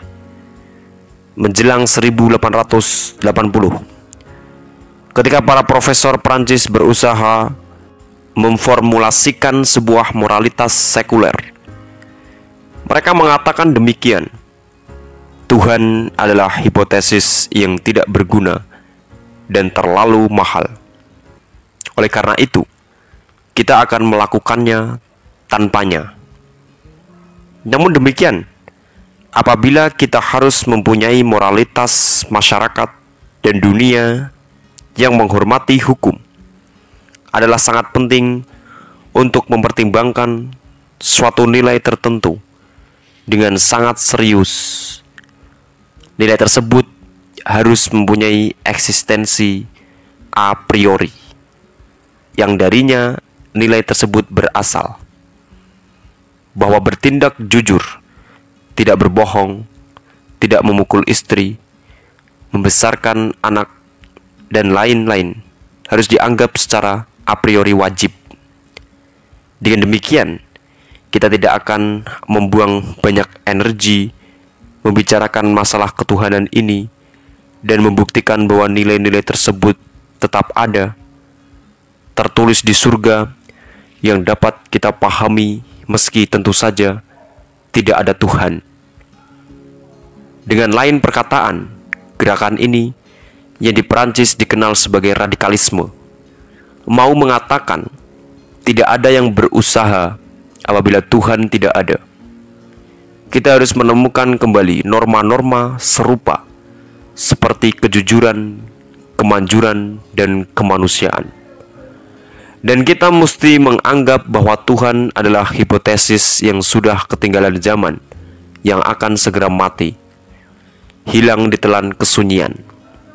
Sebaliknya, kaum eksistensialis melihat bahwa dengan ketiadaan Tuhan, hilang pula lah seluruh kemungkinan menemukan nilai-nilai yang ada di surga yang dapat dipahami manusia. Tidak ada lagi kebaikan a priori, karena tidak ada lagi kesadaran yang tanpa batas dan sempurna memikirkannya. Tidak tertulis di mana pun bahwa kebaikan bahwa kita harus jujur, tidak boleh berkata dusta, memang ada, karena sekarang kita hidup di dunia di mana yang ada hanya manusia. Dostoevsky pernah menulis, "Apabila Tuhan tidak ada, tidak akan ada lagi larangan." Dan ini bagi kaum eksistensialis adalah sebuah titik berangkat. Memang, segala sesuatu menjadi diperbolehkan ketika Tuhan tidak ada. Dan sebagai akibatnya, manusia menjadi sendirian karena ia tidak dapat menemukan apa pun, baik di dalam maupun di luar dirinya sendiri, untuk tempat bergantung. Serta-merta, ia menemukan dirinya sendiri tanpa tedeng aleng-aleng lagi. Karena apabila benar bahwa eksistensi mendahului esensi. Orang tidak akan dapat menjelaskan tindakannya di balik watak tertentu dan spesifik manusia. Dengan lain perkataan, tidak ada lagi determinisme. Manusia bebas. Manusia adalah kebebasan. Di sisi lain, apabila Tuhan tidak ada, tidak lagi tersedia nilai-nilai atau imperatif-imperatif moral yang dapat melegitimasi tingkah laku man kita, maka kita tidak lagi mempunyai dunia nilai sarana-sarana pembenaran atau dalih untuk membenarkan diri. Kita ditinggal sendiri tanpa dalih. Inilah maksud saya ketika saya mengatakan bahwa manusia dikutuk untuk mengalami kebebasan. Ia dikutuk karena ia tidak menciptakan dirinya sendiri. Meskipun ia bebas melakukannya, ia dikutuk semenjak manusia dilemparkan ke dalam dunia di mana ia harus bertanggung jawab atas semua yang ia lakukan. Kaum eksistensialis tidak percaya pada kekuatan hasrat nafsu. Mereka tidak akan menerima bahwa hasrat atau nafsu yang sangat besar sebagai badai destruktif yang melemparkan manusia pada suatu tindakan tertentu seperti halnya nasib, takdir, dan oleh karena sebagai dalih baginya. Kaum eksistensialis tidak akan menerima bahwa manusia dapat memperoleh bantuan dari tanda-tanda tertentu yang secara istimewa dikirimkan ke dunia untuk memberikan arahan pada manusia. Karena menurut mereka, manusia sendirilah yang menafsirkan tanda itu ketika ia memilihnya. Mereka beranggapan bahwa setiap manusia tanpa dukungan atau bantuan apa pun dikutuk sepanjang hidupnya untuk menemukan manusia. Seperti yang ditulis oleh Ponge dalam sebuah artikel yang sangat bagus. Man is the future of man. Manusia adalah masa depan manusia. Kutipan tersebut betul sebetul-betulnya. Hanya saja, jika orang memahami hal ini berarti bahwa masa depan terletak di surga, dan Tuhan tahu bagaimana masa depan itu. Pemahaman ini menjadi salah karena apa yang dimaksud dengan masa depan di sini tidak lagi menjadi masa depan Seandainya orang memahami bahwa bagaimanapun seorang manusia hidup sekarang, ada masa depan yang akan ia jalani. Masa depan murni yang menantikannya. Pemahaman ini benar, meskipun masa sekarang terabaikan. Sebagai contoh yang mungkin dapat membantu Anda semakin memahami pengingkaran ini saya akan merujuk pada kasus yang dialami oleh salah seorang murid saya yang bertanya pada saya mengenai situasi seperti berikut ini. Ayahnya bertengkar dengan ibunya. Ayahnya adalah orang yang cenderung menjadi kaki tangan musuh.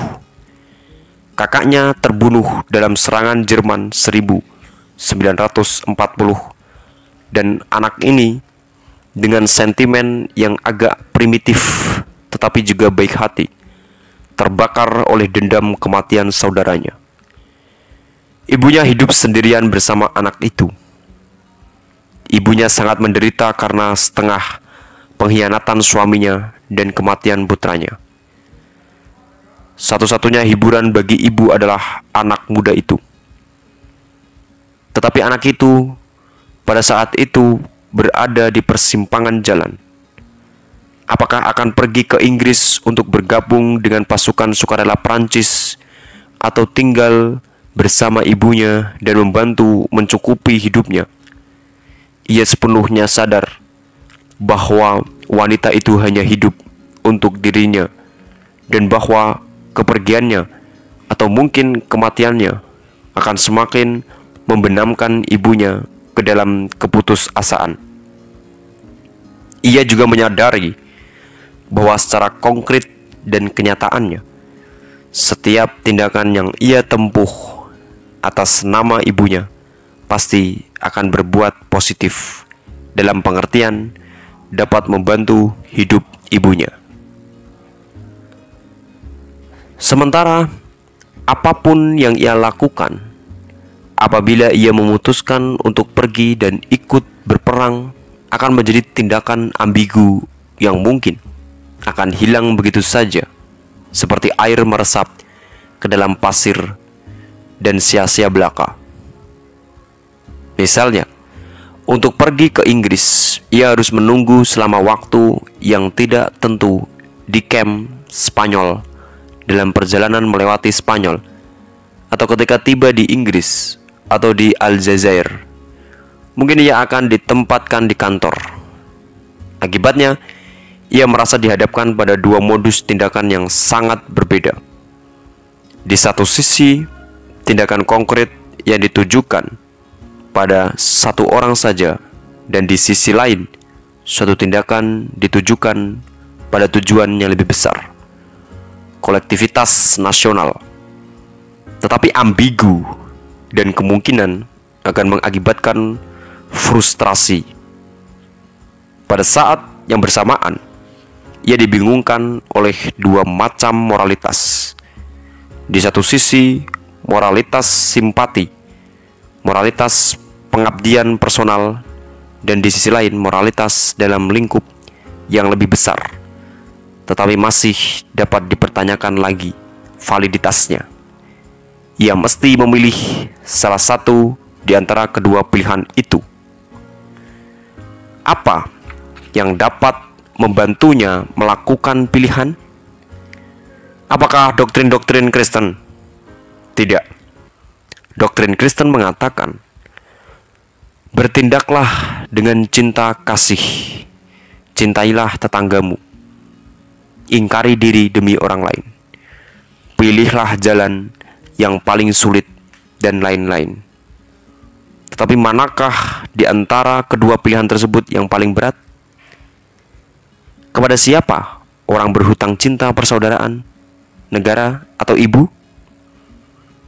Yang manakah yang merupakan tujuan yang lebih bermanfaat? Apakah tujuan yang lebih umum, berperang bagi seluruh masyarakat, atau tujuan yang lebih konkret, nyata, membantu kehidupan orang lain? Siapa yang dapat memberikan jawaban a priori? Tidak ada. Bahkan semua kitab etis tidak menyediakan jawaban tersebut. Etika Kantian mengatakan bahwa jangan pernah menjadikan orang lain sebagai alat, tetapi selalu sebagai tujuan. Baik sekali. Apabila saya tetap tinggal bersama ibu, saya harus memandang ibu bukan sebagai alat, tetapi sebagai tujuan. Apabila nilai-nilai yang ada tidak jelas, masih terlalu abstrak untuk menentukan suatu kasus konkret tertentu yang sedang dipertimbangkan. Tidak ada lagi jalan lain selain mengikuti insting-insting kita. Inilah yang dicoba dilakukan oleh anak muda itu.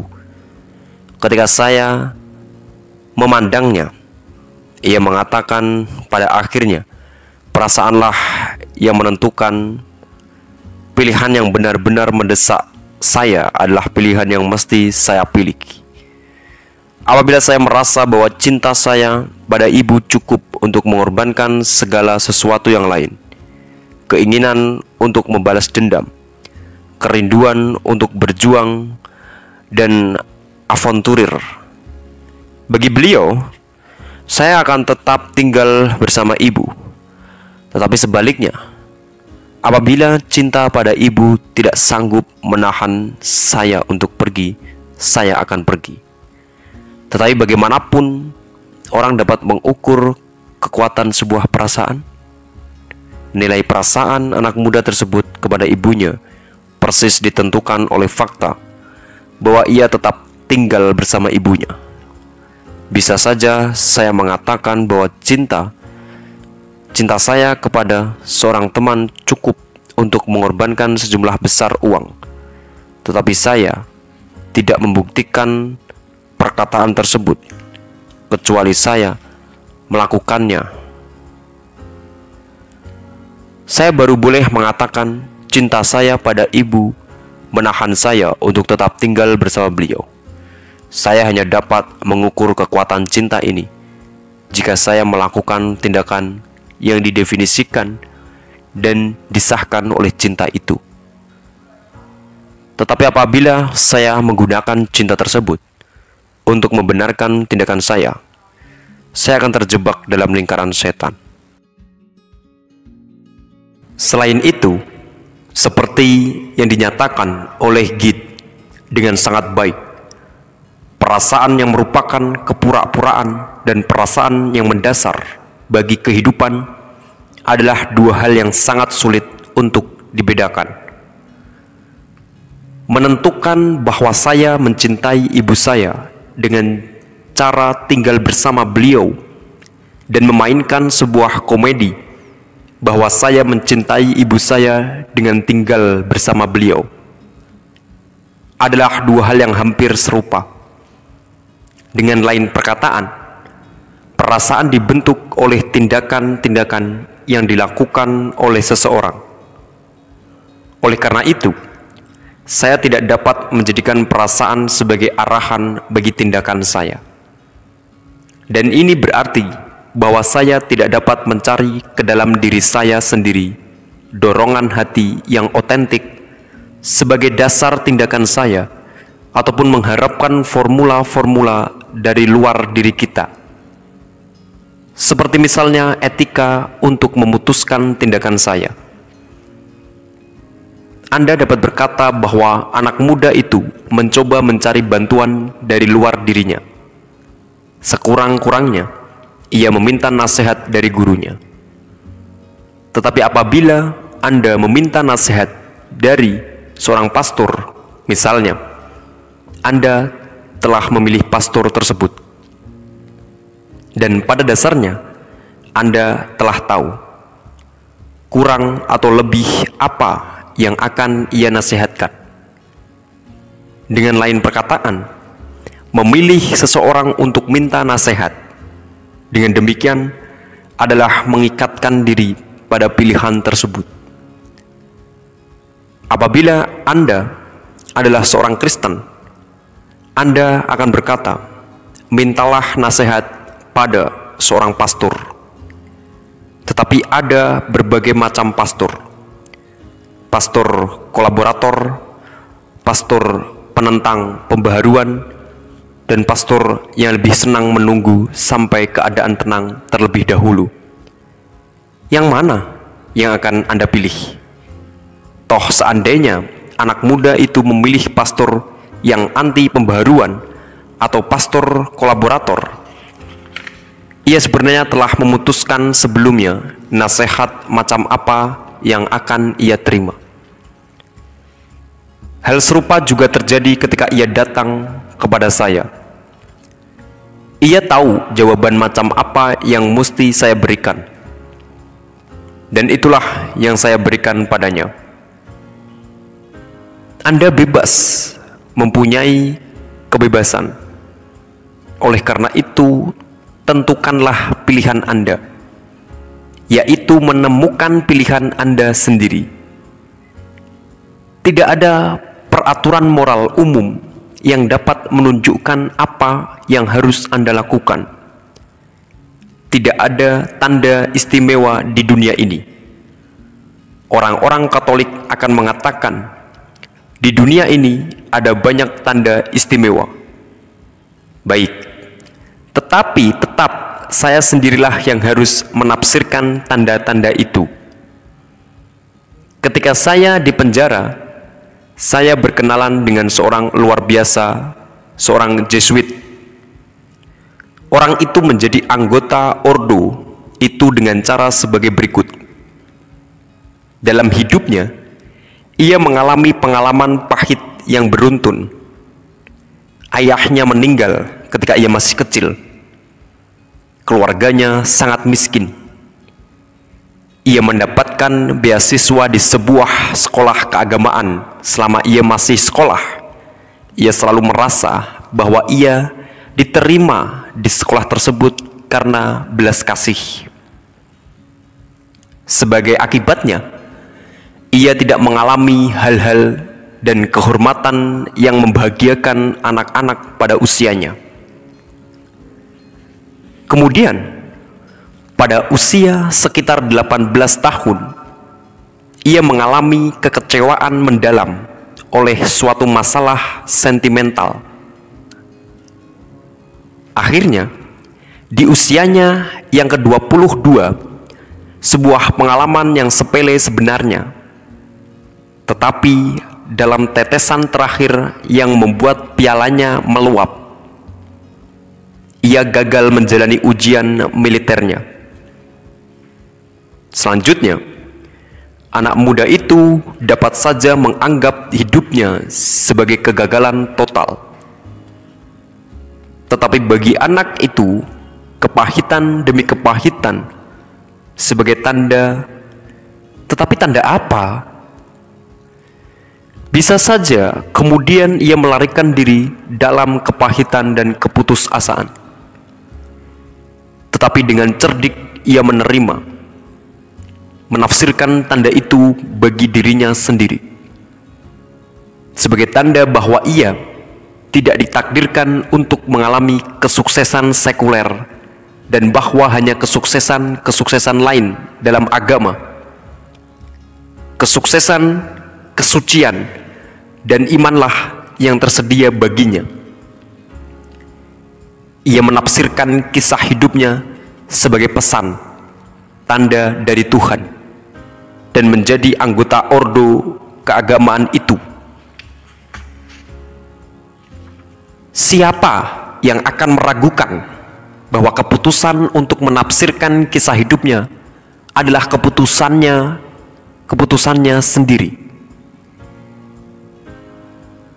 Orang dapat saja menarik keputusan yang berbeda sama sekali dari pengalaman hidup semacam itu. Seperti misalnya, bahwa sebaliknya ia menjadi seorang tukang kayu atau seorang revolusioner. Bagaimanapun juga, untuk menguraikan tanda-tanda dalam hidupnya, ia menanggung seluruh tanggung jawab atas hidupnya.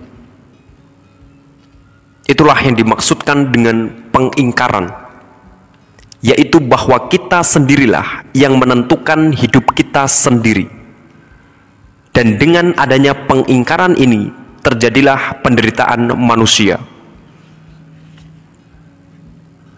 Sedangkan mengenai keputusasaan, arti kata ini sangat sederhana. Kata ini berarti bahwa kita membatasi diri kita sendiri untuk menggantungkan diri pada semua yang berada di dalam keinginan-keinginan kita atau di dalam keseluruhan kemungkinan yang memungkinkan tindakan-tindakan kita dapat dilakukan. Setiap kali orang mempunyai keinginan, pasti selalu ada elemen-elemen kemungkinan. Misalnya, saya mengharapkan kedatangan seorang teman yang akan datang dengan kereta api atau tram. Saya memperkirakan bahwa kereta akan tiba tepat waktu atau bahwa tram tidak mengalami masalah di perjalanan. Saya berada dalam dunia kemungkinan, tetapi orang tidak menggantungkan diri pada kemungkinan-kemungkinan yang berada di luar kemungkinan-kemungkinan yang berkaitan erat dengan tindakannya. Saya tidak perlu menaruh perhatian pada hal-hal di luar kemungkinan-kemungkinan yang mungkin mempengaruhi tindakan saya. Ketika Descartes berkata, "Taklukkan diri dahulu sebelum menaklukkan dunia." Maksud Descartes adalah pada dasarnya sama dengan bahwa kita harus bertindak tanpa harapan. Kaum Marxis, subjek sasaran kuliah ini menjawab, tindakan Anda akan dibatasi oleh kematian Anda. Tetapi Anda dapat mengandalkan bantuan dari orang lain. ini berarti bahwa Anda dapat mengandalkan baik apa yang dilakukan orang-orang untuk membantu Anda di mana pun, seperti di Cina dan di Rusia, maupun mengandalkan apa yang mereka lakukan kemudian setelah Anda meninggal untuk melanjutkan tindakan karya Anda dan membawanya semakin dekat pada tujuan. Cita-cita akhirnya yaitu revolusi. Selain itu, Anda harus percaya. Jika tidak, berarti Anda immoral. Saya sepakat dengan doktrin ini.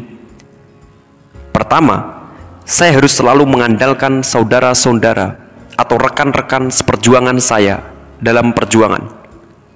Sejauh mereka mempunyai komitmen, seperti halnya saya, pada suatu prinsip yang pasti dan umum diterima, dan pada persatuan suatu partai atau kelompok yang saya kurang atau lebih dapat kontrol, yaitu tempat di mana saya menjadi anggota yang militan dan gerakan-gerakannya saya ketahui. Dalam hal ini, mengandalkan persatuan dan tujuan partai adalah persis sama dengan memperkirakan bahwa kereta teman saya akan tiba tepat waktu atau tram yang ia naiki tidak bermasalah di perjalanan. Tetapi saya tidak dapat mengandalkan mereka. Orang-orang yang tidak saya kenal. Saya tidak dapat mendasarkan kepercayaan saya pada kebaikan manusia atau minat orang pada masyarakat yang lebih baik. Karena saya beranggapan bahwa manusia bebas dan bahwa tidak ada watak manusia universal yang dapat saya jadikan fondasi kepercayaan saya. Saya tidak tahu apakah revolusi Rusia akan memimpin semua bangsa menuju revolusi. Saya dapat saja mengagumi dan menjadikannya sebagai teladan sejauh revolusi tersebut terbukti. Hari ini, bahwa kaum proletar memegang peran di Rusia. Sebuah capaian yang belum pernah dicapai oleh negara lain. Tetapi saya tidak dapat mengiyakan bahwa capaian ini pasti akan mengantarkan umat manusia pada kejayaan kaum proletar. Saya harus membatasi diri saya pada apa yang dapat saya lihat. Saya tidak dapat meyakinkan diri bahwa rekan-rekan saudara-saudara seperjuangan akan mengambil karya-karya saya dan membawanya menuju kesempurnaan yang lebih maksimal. Karena saya menganggap mereka adalah orang-orang yang memiliki kebebasan dan bebas memutuskan di esok hari manusia macam apa yang akan mengada. Esok hari setelah kematian saya, beberapa orang mungkin akan memilih untuk mendirikan fasisme dan yang lain mungkin terlalu penakut atau ceroboh membiarkan mereka melakukannya. Jika demikian, kemudian fasisme akan menjadi kebenaran manusia dan sangat buruk akibatnya bagi kita. Kenyataannya, semua akan menjadi seperti apa yang dipilih manusia atasnya. Apakah ini berarti bahwa saya harus menyerahkan diri pada ketenanganisme? Tidak. Pertama, saya harus membuat suatu komitmen dan melakukan komitmen tersebut. Seperti sebuah formula yang telah terbukti tidak lekang oleh waktu bahwa orang tidak membutuhkan harapan untuk menjalankan tugas kerja kita ini tidak berarti bahwa saya tidak perlu bergabung dengan suatu partai. Tetapi yang penting adalah bahwa saya harus mengada tanpa ilusi dan bahwa saya bertanya pada diri saya sendiri. Apakah idealisme, idealisme sosial semacam itu akan dapat terwujud? Saya tidak tahu. Saya hanya tahu bahwa apa pun yang dapat saya lakukan untuk mewujudkan cita-cita tersebut, itulah yang saya lakukan. Di luar itu, saya hanya akan mengandalkan omong kosong. Ketenanganisme adalah sikap orang yang berkata, biarkan orang lain melakukan apa yang tidak dapat saya lakukan. Doktrin yang saya sajikan di sini persis kebalikan dari sikap itu. Karena ajaran ini menyatakan bahwa tidak ada realitas kecuali dalam tindakan. Lebih jauh lagi doktrin ini menegaskan bahwa manusia adalah apa yang ia cita-citakan. Manusia ada sejauh ia merealisasikan dirinya sendiri dan oleh karena itu ia adalah keseluruhan tindakan-tindakannya. Manusia bukanlah apa-apa kecuali apa yang dinyatakan oleh hidupnya. Dari sini kita dapat memahami mengapa banyak orang merasa ketakutan pada ajaran kita. Karena banyak orang akan mempunyai suatu sumber pemikiran yang akan menyeka dan membenamkan mereka di dalam kesengsaraan, yaitu prasangka lingkungan telah terbalik melawan saya. Saya seharusnya dapat menjadi seorang orang lebih baik daripada saya sekarang. Saya akui bahwa saya tidak pernah mengalami kisah percintaan atau persahabatan yang besar. Tetapi hal itu disebabkan saya belum pernah berjumpa dengan seorang yang pantas menjadi kekasih atau sahabat saya. Atau kalau saya belum pernah menuliskan suatu buku yang sangat bagus, itu karena saya tidak mempunyai waktu luang untuk menuliskannya. Atau kalau saya sampai sekarang belum punya anak, itu karena saya belum menemukan orang yang cocok untuk membangun rumah tangga.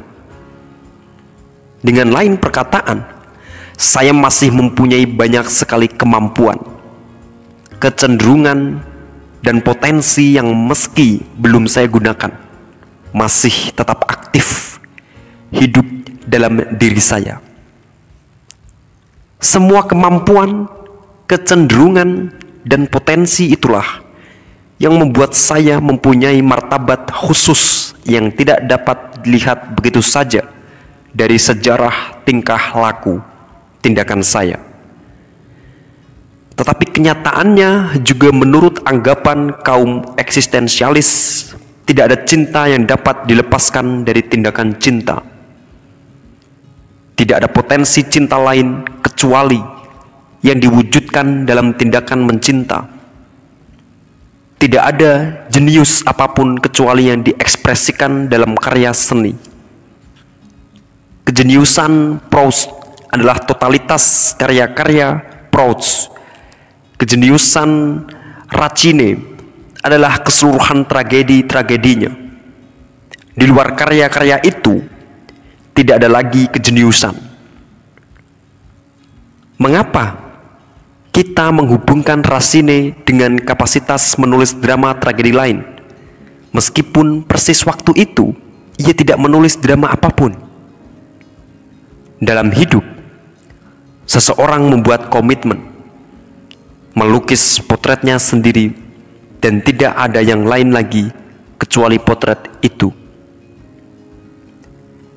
Tidak diragukan lagi bahwa pemikiran itu membuat tidak nyaman bagi mereka yang belum pernah meraih sukses dalam hidupnya. Di sisi lain, pemikiran ini menempatkan orang pada suatu posisi untuk melihat bahwa hanya realitas yang dapat kita percayai. bahwa mimpi, harapan, dan keinginan hanyalah impian kosong. Harapan yang belum terwujud dan keinginan-keinginan yang belum terpenuhi.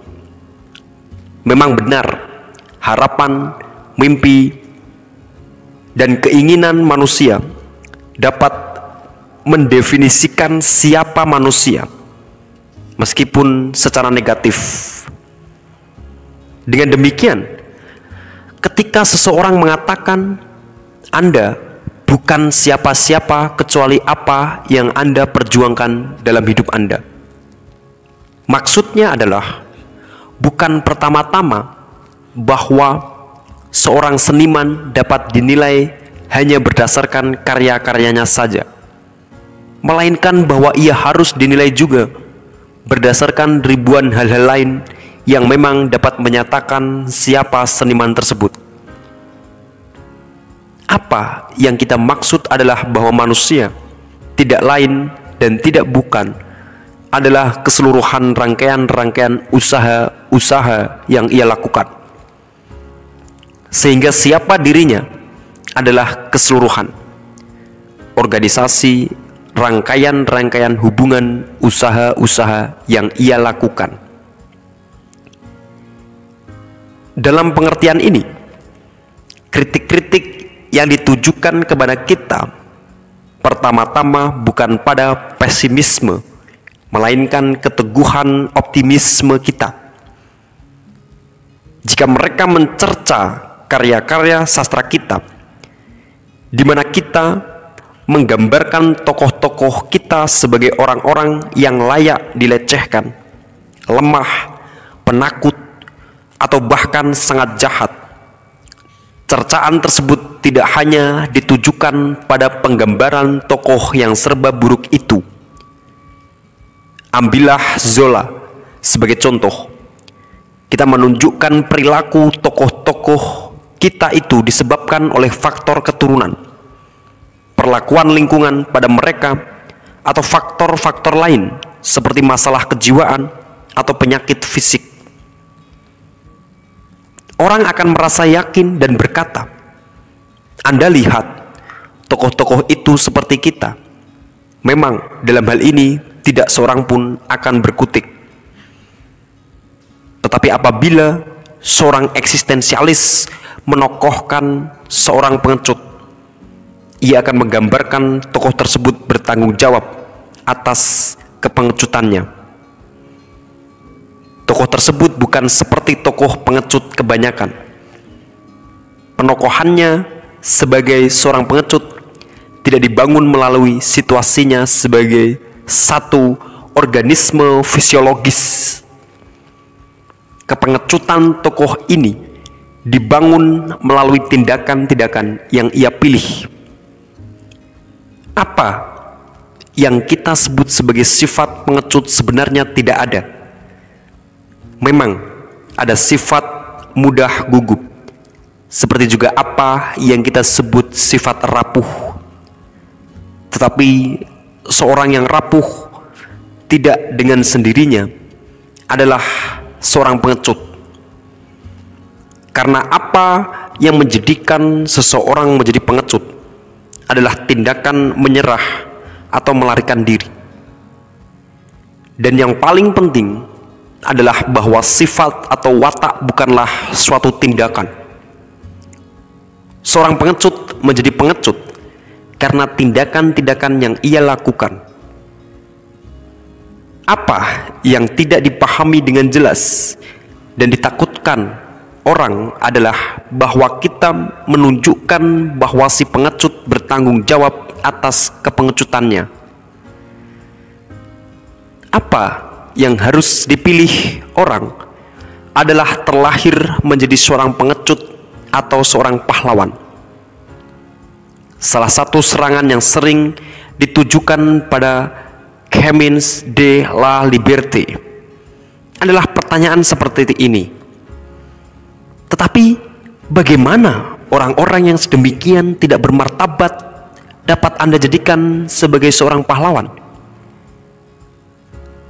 keberatan tersebut memang terkesan lucu karena keberatan itu berarti bahwa orang terlahir sebagai pahlawan. Dan inilah yang pada dasarnya orang pikirkan. Kalaupun Anda terlahir sebagai seorang pengecut, Anda harus menerima fakta itu karena Anda tidak dapat berbuat apa-apa atas kepengecutan Anda. Anda akan selamanya menjadi pengecut, tidak peduli apa pun yang Anda lakukan. Sebaliknya, jika Anda lahir sebagai seorang pahlawan, sekali lagi Anda harus menerima fakta itu. Anda akan selamanya menjadi seorang pahlawan. Makan dan minum secara heroik. Sementara itu, kaum eksistensialis akan mengatakan bahwa pengecut menjadikan dirinya pengecut dan pahlawan menjadikan dirinya pahlawan. Selalu ada kemungkinan bagi si pengecut untuk meninggalkan kepengecutannya. Demikian pula bagi sang pahlawan. Yang paling penting adalah komitmen total, bukan hanya komitmen pada suatu kasus atau tindakan tertentu saya kira kita sekarang berurusan dengan sejumlah kritikan pada eksistensialisme. Anda telah melihat bahwa eksistensialisme tidak dapat dianggap sebagai suatu filsafat ketidakpedulianisme. Filsafat ini mendefinisikan manusia melalui tindakan-tindakannya. Filsafat ini jelas bukan gambaran manusia yang serba pesimis. Tidak ada satu ajaran lain pun yang se seoptimis doktrin filsafat ini. Nasib manusia terletak di tangan manusia itu sendiri.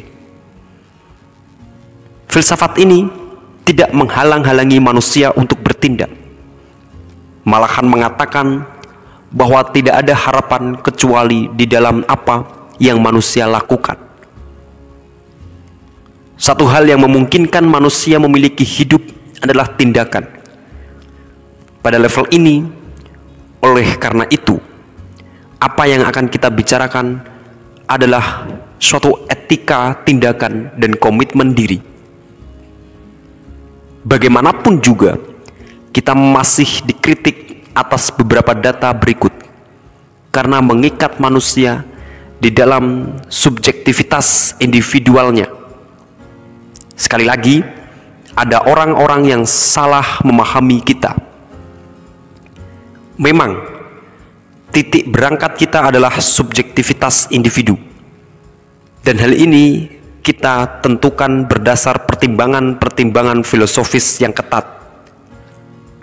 Pertimbangan kita ambil bukan karena kita adalah kaum burjuis, melainkan karena kita melandaskan ajaran kita pada kebenaran dan bukan pada suatu kumpulan teori-teori yang hebat, penuh dengan harapan tetapi kekurangan fondasi yang nyata. Dan titik berangkat kita tidak bisa lain selain kebenaran ini. Saya berpikir karena itu saya ada. Kebenaran ini adalah kebenaran kesadaran yang mutlak. Setiap teori yang dimulai dari manusia, di luar kesadaran diri manusia itu, adalah teori yang melawan kebenaran. Karena di luar kogitonya kartesian, semua objek tidak lebih dari sekedar kemungkinan dan setiap teori kemungkinan yang tidak didasarkan pada kebenaran hanya akan hancur sia-sia. Manusia harus mempunyai kebenaran untuk mendefinisikan kemungkinan. Sebelum dapat muncul kebenaran, kebenaran apa pun, meski ada kebenaran absolut dan ada kebenaran absolut semacam itu yang sederhana, mudah didapat dan berada dalam jangkauan setiap orang. Kebenaran itu berisi kesadaran diri manusia. Kedua, teori ini sesuai dengan martabat manusia.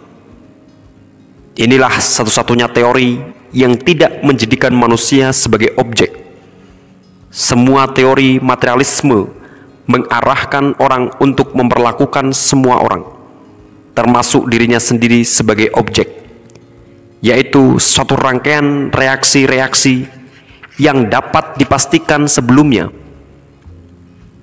Manusia dianggap tidak berbeda dengan kualitas-kualitas dan fenomena-fenomena yang menyatakan sebuah meja, kursi, atau batu Tujuan kita persisnya adalah membangun kerajaan manusia sebagai suatu pola nilai yang berbeda dengan dunia materi.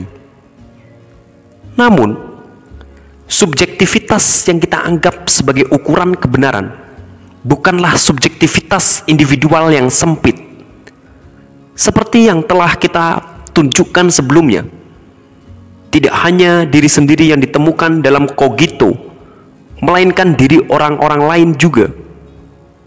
Kebalikan dari filsafat Descartes, kan ketika kita mengatakan saya berpikir, kita meng mengikatkan diri kita pada kehadiran orang lain.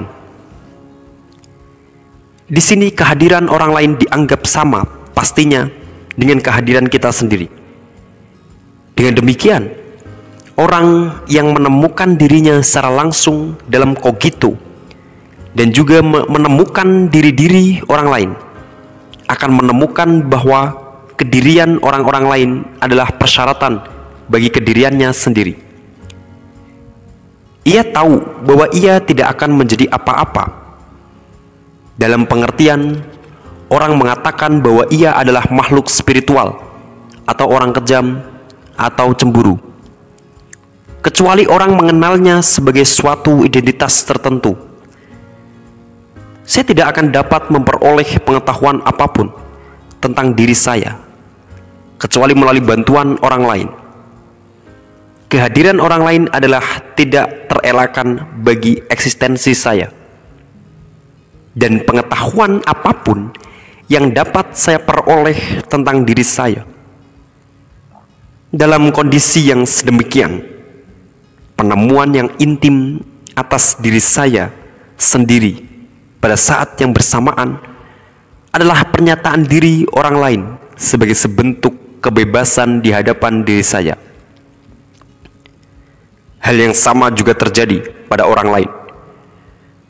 Mereka tidak akan dapat berpikir atau berkehendak tanpa melakukan penemuan diri yang intim seperti di atas baik demi maupun untuk melawan.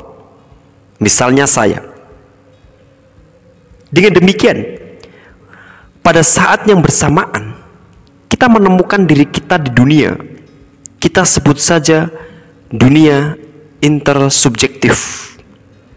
Di dunia yang seperti ini, orang harus menentukan siapa dirinya dan siapa orang lain. Lebih jauh lagi, Meskipun tidak mungkin menemukan dalam diri setiap dan masing-masing orang suatu esensi universal dan dapat disebut sebagai sifat atau watak manusia. Ada yang namanya kondisi manusia yang universal. Bukan suatu kebetulan bahwa para pemikir dewasa ini jauh lebih siap untuk berbicara tentang kondisi manusia dibandingkan sifat atau watak manusia. Dengan kondisi ini, mereka memahami secara kurang atau lebih jelas semua batas yang secara a priori menyatakan situasi fundamental manusia di alam semesta ini. Situasi historis manusia dapat berbeda-beda Mungkin ada yang terlahir sebagai budak di masyarakat penyembah berhala, atau seorang ningrat di masyarakat feodal, atau seorang proletar. Tetapi tidak demikian dalam hal kebutuhan untuk mengada di dunia, untuk berjuang dan mati di dunia. Batas-batas ini bukan batas subjektif maupun objektif tetapi mempunyai kedua aspek subjektif dan objektif sekaligus. Disebut memiliki aspek objektif karena kita menemukannya di mana-mana dan di mana-mana batas tersebut dapat dikenali dan disebut memiliki aspek subjektif karena batas-batas tersebut dihidupkan serta akan menjadi omong kosong apabila manusia tidak menghidupkannya yaitu jika manusia tidak bebas menentukan diri dan eksistensinya dalam kaitan dengan batas-batasan itu. Batas-batas itu bervariasi ragamnya, meskipun tujuan manusia hampir dapat dikatakan tidak jauh berbeda. Sekurang-kurangnya, tidak satu tujuan pun yang terdengar sepenuhnya asing bagi saya, karena setiap tujuan manusia menampilkan diri sebagai suatu usaha untuk mengatasi, memperluas, mengingkari, atau menyesuaikan diri pada batas-batas itu. Sebagai akibatnya, setiap tujuan supersonal apa pun merupakan nilai universal. Sepersonal apa pun merupakan nilai universal. Setiap tujuan manusia, bahkan tujuan manusia Cina, India, ataupun Negro, tetap dapat dimengerti oleh manusia Eropa. Ini berarti bahwa bangsa Eropa tahun 1945 mungkin sedang berjuang mengatasi batas-batas yang sama dengan cara yang sama pula sehingga mereka melihat kesamaan mereka dengan tujuan-tujuan bangsa Cina, India, ataupun Afrika.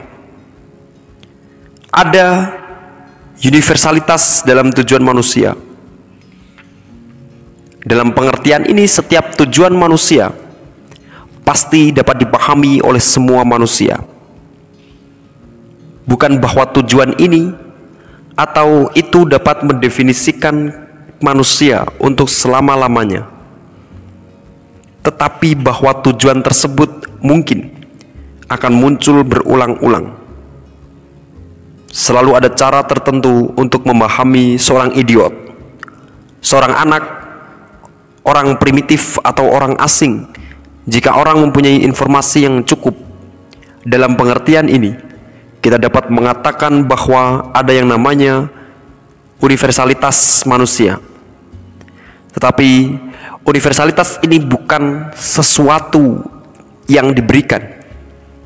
Ia merupakan sesuatu yang secara kekal dimunculkan manusia. Saya memunculkan universalitas ini ketika saya menyadari diri saya, memahami tujuan orang-orang lain di semua zaman. Keabsolutan tindakan memilih ini tidak mengubah relativitas setiap zaman apa yang berada di jantung dan pusat eksistensialisme adalah sifat absolut pilihan bebas. Dengan pilihan bebas ini, manusia mewujudkan dirinya dalam merealisasikan suatu jenis kemanusiaan tertentu. Suatu pilihan selalu dapat dipahami orang lain, tidak peduli oleh siapa pun, pada zaman mana pun, dan selalu berisi relativitas pola-pola kultural yang mungkin dihasilkan oleh pilihan absolut tersebut. Orang harus mengamati secara seimbang relativitas kartesian dan sifat absolut pilihan kartesian. Dalam pengertian ini, jika Anda suka, Anda dapat mengatakan bahwa Anda menjadikan yang absolut dengan bernafas makan, tidur, atau berperilaku tertentu. Tidak ada perbedaan antara manusia-manusia bebas sebagai manusia yang memilih sendiri, sebagai eksistensi yang memilih esensinya sendiri, dan manusia absolut. Dan tidak ada perbedaan apa pun antara manusia sebagai makhluk absolut yang secara temporer ditempatkan di suatu waktu atau zaman tertentu yaitu dalam sejarah dan manusia yang dapat dipahami secara universal.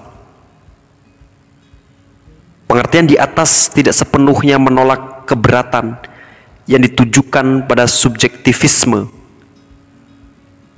Memang keberatan tersebut muncul dalam beberapa formulasi yang berbeda. Formulasi yang pertama adalah sebagai berikut: orang mengatakan pada kita, dengan demikian, tidak penting apa yang Anda lakukan, dan mereka menyatakan serangan ini dalam berbagai macam cara. Pertama, mereka menuduh kita anarki. Kemudian mereka berkata, "Anda tidak dapat menghakimi orang lain karena tidak ada alasan untuk memilih satu pilihan atau pilihan lain." Dan akhirnya, mereka berkata, "Semuanya menjadi mana suka dalam pilihan Anda ini." Di situ, di satu sisi, Anda melepaskan apa yang di sisi lain Anda pura-pura raih. Ketiga, kritikan tersebut bukanlah keberatan-keberatan yang serius. Untuk kritikan yang pertama, bahwa yang paling penting bukan apa yang Anda pilih adalah salah.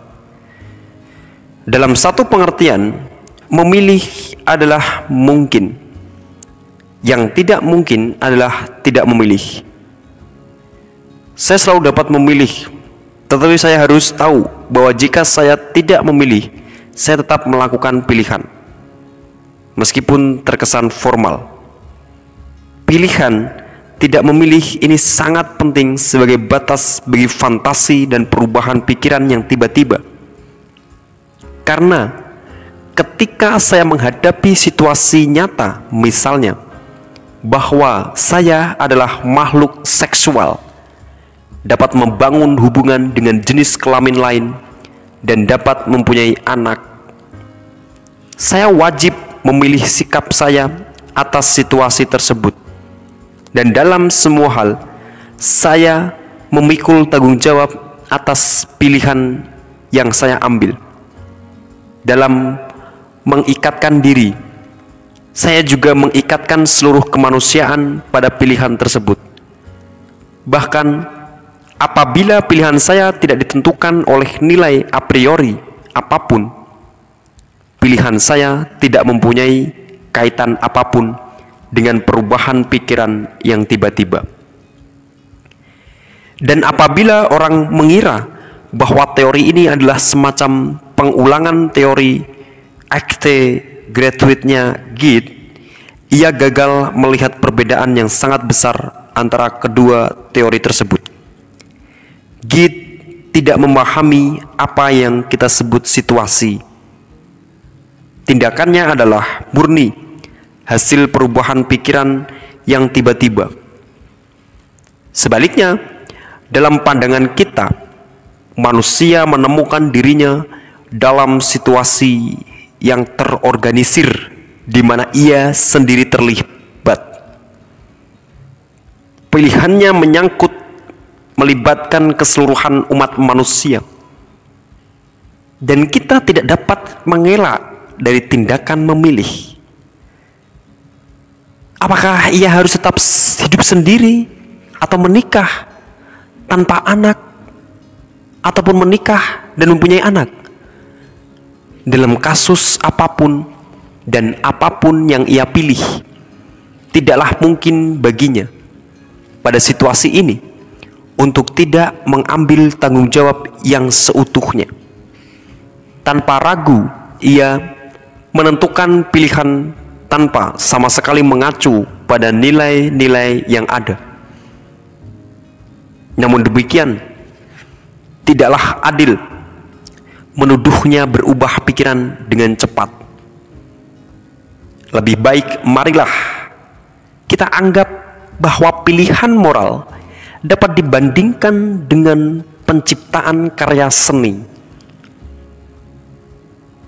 Tetapi di sini saya harus membicarakan topik lain dahulu untuk memperjelas bahwa kita tidak sedang membicarakan moralitas estetik karena musuh-musuh kita ternyata cukup naif dengan menggunakan moralitas estetik untuk menyerang kita. Saya menyebutnya karya seni hanya sebagai bahan perbandingan di sini. Untuk dapat memahami, mengapresiasi apakah orang mengkritik seorang seniman ketika ia melukis tanpa mengikuti kaidah aturan a priori? Apakah orang pernah menanyakan lukisan apa yang harus ia lukis? Seperti telah kita ketahui bersama, seorang pelukis tidak mempunyai gambaran yang telah jadi lengkap tentang lukisan yang akan ia gambar. Seorang seniman menuangkan dirinya dalam komposisi suatu lukisan, dan lukisan yang harus ia lukiskan adalah persis apa yang akan ia lukis. Seperti yang telah kita ketahui bersama, tidak ada nilai estetik a priori, tetapi pada akhirnya akan ada nilai-nilai yang akan nampak dalam koherensi lukisan. Dalam kaitan antara keinginan untuk mencipta dan karya yang sudah jadi. Tidak seorang pun tahu bagaimana rupa lukisan itu besok. Tidak seorang pun dapat menilai lukisan tersebut sempat atau sampai lukisan tersebut terselesaikan. Lalu, apa hubungannya dengan moralitas? Kita mempunyai situasi kreatif yang sama. Kita tidak pernah berbicara bahwa karya seni tidak dapat dipertanggungjawabkan Ketika kita membahas lukisan Picasso, kita paham bahwa komposisi lukisan itu menjadi seperti itu pada saat Picasso melukisnya, dan bahwa karya-karya Picasso adalah bagian dan isi keseluruhan hidup Picasso. Hal yang sama juga terjadi pada moralitas. Ada kesamaan antara moralitas dan seni yaitu bahwa keduanya berkaitan erat dengan penciptaan dan penemuan. Kita tidak dapat menetapkan secara a priori apa yang pasti harus dipilih. Saya kira permasalahan ini telah saya uraikan dengan cukup gamblang pada Anda ketika kita membahas seorang anak muda yang datang meminta pertimbangan pada saya. Anak muda itu tidak akan pernah menemukan petunjuk apa pun dari sistem etika yang ada. Apakah itu etika kan ataupun etika yang lain? Tentu saja, kita tidak dapat mengatakan bahwa anak muda itu memilih pilihan yang tidak bertanggung jawab ketika ia memilih untuk tetap tinggal bersama ibunya, yaitu memilih untuk menjadikan perasaan, pengabdian personal, dan kasih sayang yang konkret sebagai dasar moralnya. Demikian pula sebaliknya, kita tidak dapat menggarapnya melakukan pilihan yang salah ketika ia memutuskan untuk pergi ke Inggris. Manusia menciptakan dirinya sendiri. Ia tidak dapat berbuat lain selain memilih sendiri moralitasnya. Inilah tekanan yang dapat manusia dari lingkungannya. Kita mendefinisikan manusia hanya dalam kaitannya dengan komitmennya. Oleh karena itu, terasa aneh ketika kita dikritik bahwa kita tidak bertanggung jawab atas pilihan-pilihan kita. Kedua, orang-orang mengatakan kepada kita anda tidak dapat menghakimi orang lain. Pernyataan ini benar di satu sisi, tetapi salah di sisi lain. Pernyataan tersebut benar dalam pengertian bahwa setiap kali saya memilih suatu pilihan dan komitmen tertentu dengan segala kejelasan dan kejujuran saya, apa pun pilihan yang saya ambil adalah pilihan saya mutlak. Mustahil orang lain memilihkan pilihan yang lain bagi saya. Pernyataan tersebut benar dalam pengertian bahwa kita tidak percaya pada doktrin kemajuanisme. Kemajuan mengandaikan adanya perbaikan, tetapi manusia selalu sama menghadapi situasi yang selalu berubah, dan pilihan-pilihan yang tersedia adalah pilihan-pilihan yang ada dalam situasi yang selalu berubah itu. Permasalahan moral manusia tidak pernah berubah sejak dilema gerakan pro dan kontra perbudakan. Permasalahan moral manusia tidak pernah berubah sejak perang saudara. Misalnya sampai saat ini ketika orang harus memilih antara MRP atau Movement Republikain Populaire atau Partai Komunis. Namun demikian, kita dapat menilai pilihan orang lain dalam pengertian bahwa orang memilih dengan mempertimbangkan orang lain. Dan dengan mempertimbangkan orang lain, orang memilih dirinya sendiri. Orang dapat menilai penilaian ini mungkin bukan penilaian nilai, tetapi penilaian logis bahwa dalam kasus-kasus tertentu Suatu pilihan didasarkan pada suatu kesalahan dan dalam kasus lain didasarkan pada kebenaran. Orang dapat menilai orang lain dengan mengatakan bahwa orang tersebut menipu dirinya sendiri karena kita telah mendefinisikan situasi manusia sebagai pilihan bebas tanpa ampun dan tanpa basa-basi. Orang yang melarikan diri di balik dalih nafsunya atau penggunaan doktrin-doktrin deterministik adalah seorang penipu diri. Orang mungkin keberatan. Mengapa orang lain tidak boleh menipu diri? Saya jawab bahwa bukan tugas saya untuk menilainya secara moral. Tetapi saya menganggap penipuan diri yang ia lakukan adalah suatu kesalahan di sini orang tidak dapat menghindar dari menyatakan kebenaran. Menipu diri sendiri jelas merupakan sebuah kesalahan. Karena tindakan ini merupakan penolakan, pengingkaran kebebasan memilih yang utuh. Pada level yang sama, saya katakan bahwa apabila saya menyatakan bahwa suatu nilai tertentu hukumnya wajib bagi saya, sama saja dengan saya menipu diri saya sendiri. Saya mengalami kontradiksi dengan diri saya sendiri ketika saya menghendaki nilai-nilai tersebut.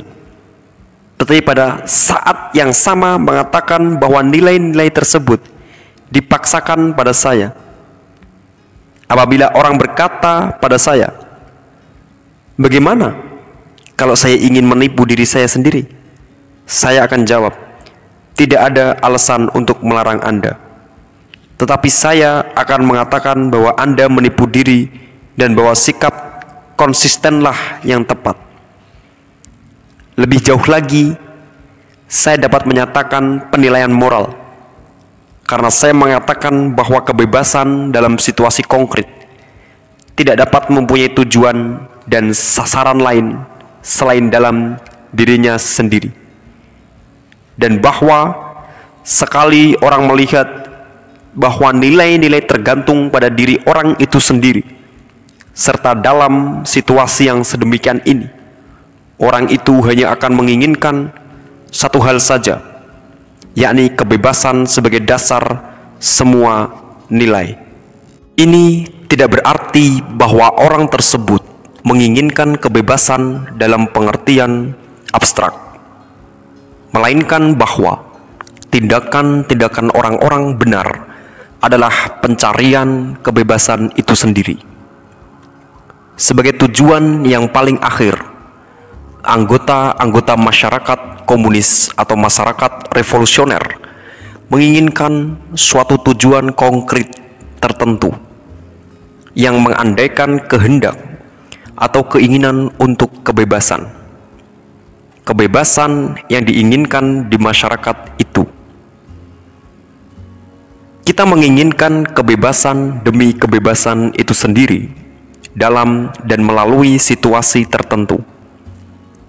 Dan dalam menginginkan kebebasan itu, kita menemukan bahwa kebebasan itu tergantung sepenuhnya pada kebebasan orang-orang lain dan kebebasan orang-orang lain tergantung pada kebebasan kita. Jelaslah bahwa kebebasan sebagai definisi seorang manusia tidak tergantung pada manusia lain. Tetapi segera setelah terjadi komitmen saya wajib menginginkan kebebasan orang lain, seperti halnya kebebasan saya sendiri. Saya tidak dapat menjadikan kebebasan sebagai tujuan saya, kecuali saya juga menyertakan kebebasan orang lain di dalamnya. Sebagai akibatnya, ketika saya memahami secara otentik seluruhnya bahwa manusia adalah makhluk yang eksistensinya mendahului esensinya dan bahwa manusia adalah makhluk yang bebas yang dalam situasi apa pun tidak dapat lain selain menginginkan kebebasannya. Pada saat yang sama, saya menyadari bahwa saya tidak dapat tidak mengingini kebebasan orang lain. Maka, atas nama kehendak keinginan untuk kebebasan yang diandaikan dalam kebebasan itu sendiri. Saya dapat membuat penilaian atas mereka yang berusaha bersembunyi dari diri mereka sendiri. Sifat yang sepenuhnya sukarela dari eksistensi dan kepenuhan kebebasannya. Saya menyebut orang-orang yang mencoba bersembunyi dari kebebasan yang total ini di balik topeng keseriusan atau dalih-dalih deterministik sebagai pengecut. Demikian pula, saya akan mencap mereka yang berusaha menunjukkan bahwa eksistensinya mereka penting hanya karena prestasi yang sebenarnya kebetulan dari suatu ras manusia di dunia sebagai sampah. Tetapi si pengecut mana pun, tetapi si pengecut maupun si sampah tidak mudah dikenali tanpa identifikasi keotentikan yang ketat.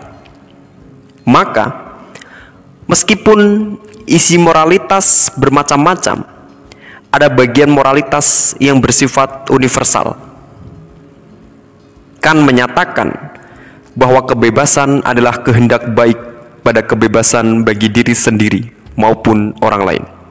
Saya sepakat.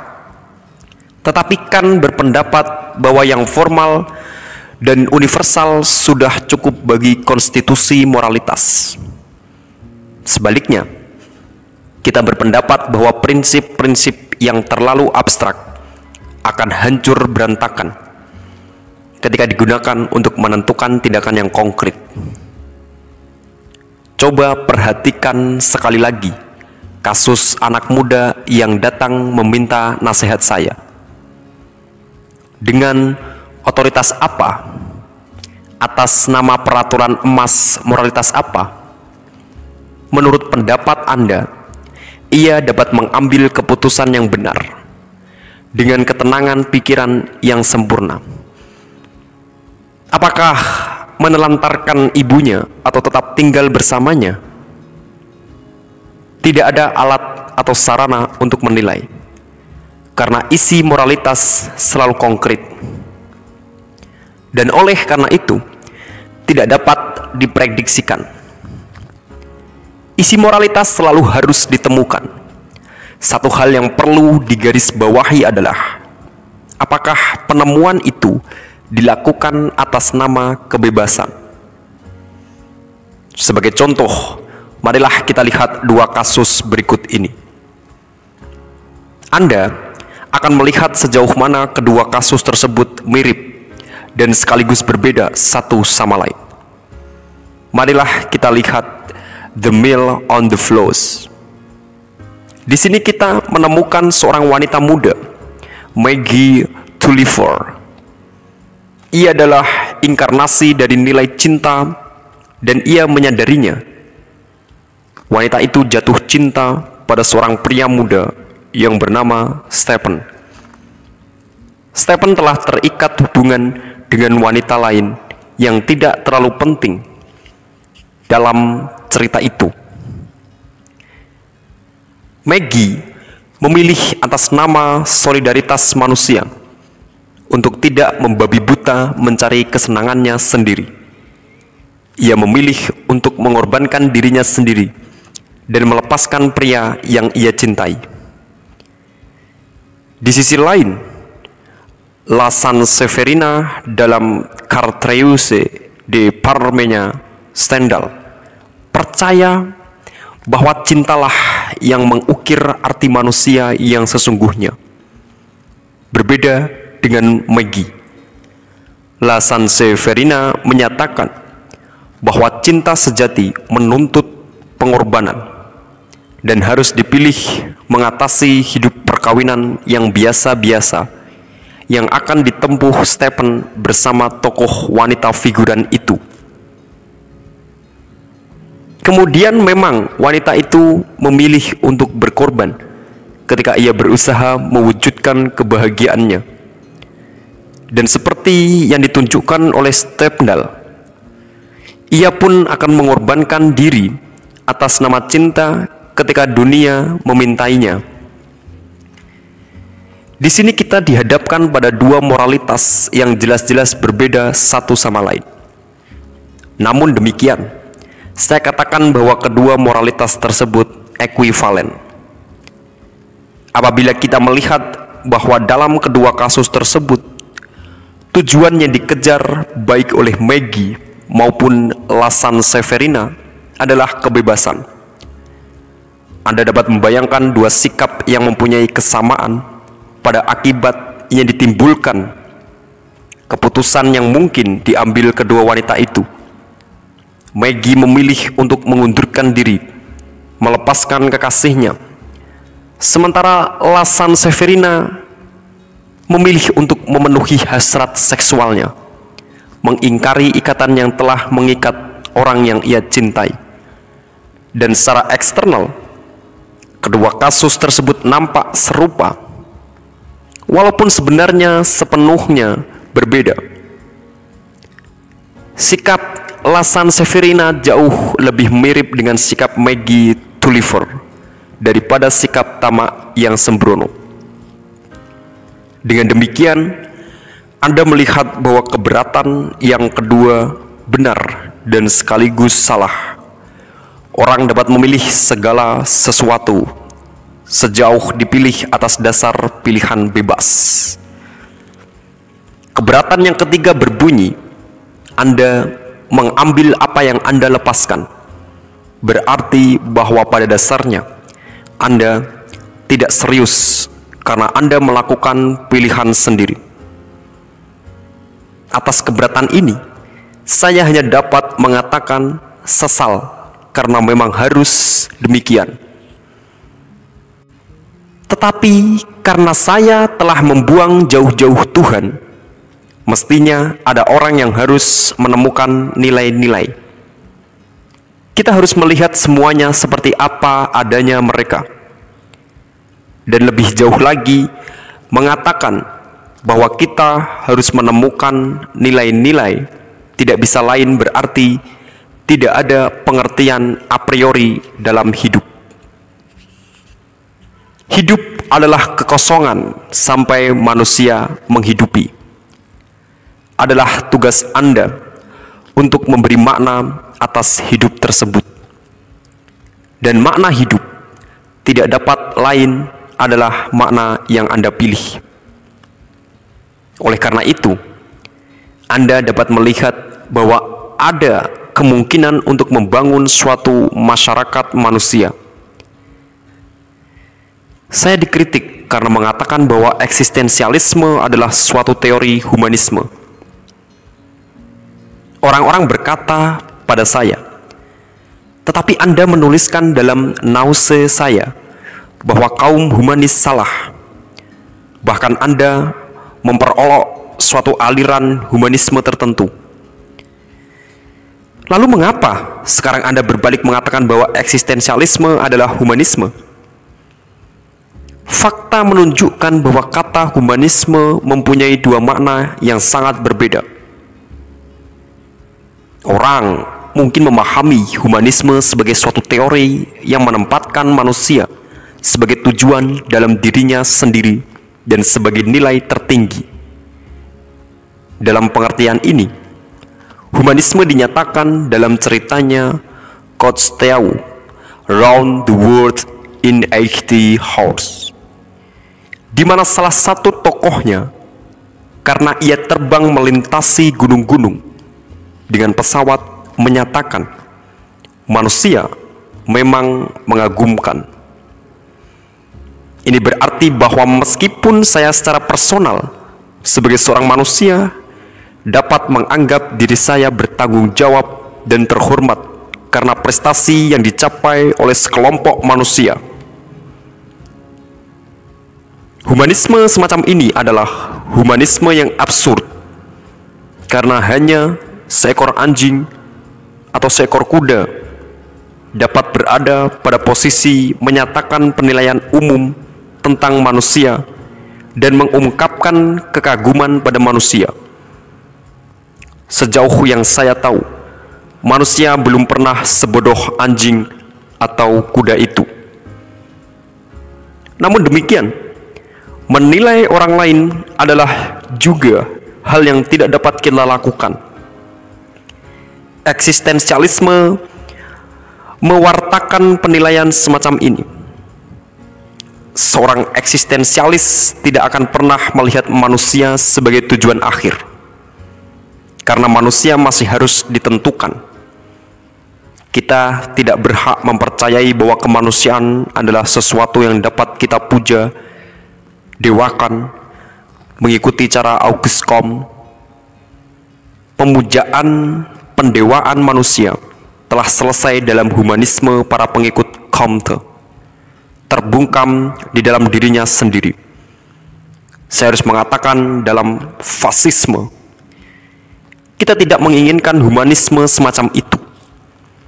Tetapi ada pengertian lain dari kata humanisme ini. Pengertian dasarnya adalah seperti ini. Manusia sepanjang hidupnya berada di luar dirinya sendiri. Manusia selalu dalam proyeksi dan menghilangkan diri, mengatasi dirinya, sehingga ia menjadikan manusia ada. Dan di sisi lain, dengan mengejar tujuan yang transenden, sehingga ia sendiri dapat mengada. Karena manusia dengan demikian mengatasi diri sendiri dan dapat memegang objek hanya dalam hubungannya dengan pengatasan dirinya. Ia sendiri adalah pusat transendensinya. Tidak ada alam semesta lain selain alam semesta manusia, alam semesta subjektivitas manusia. Hubungan transenden sebagai wewenang kuasa manusia bukan dalam pengertian bahwa Tuhan adalah transendensi, melainkan dalam pengertian manusia mengatasi diri atas subjektivitas dalam pengertian bahwa manusia tidak terbungkam membisu dalam dirinya sendiri melainkan selamanya hadir dalam suatu semesta manusia. Inilah yang kita sebut humanisme eksistensial. Ajaran ini adalah ajaran humanisme karena kita mengingatkan manusia bahwa tidak ada legislator selain dirinya sendiri. Bahwa ia sendiri dengan bebas harus memutuskan untuk dirinya sendiri.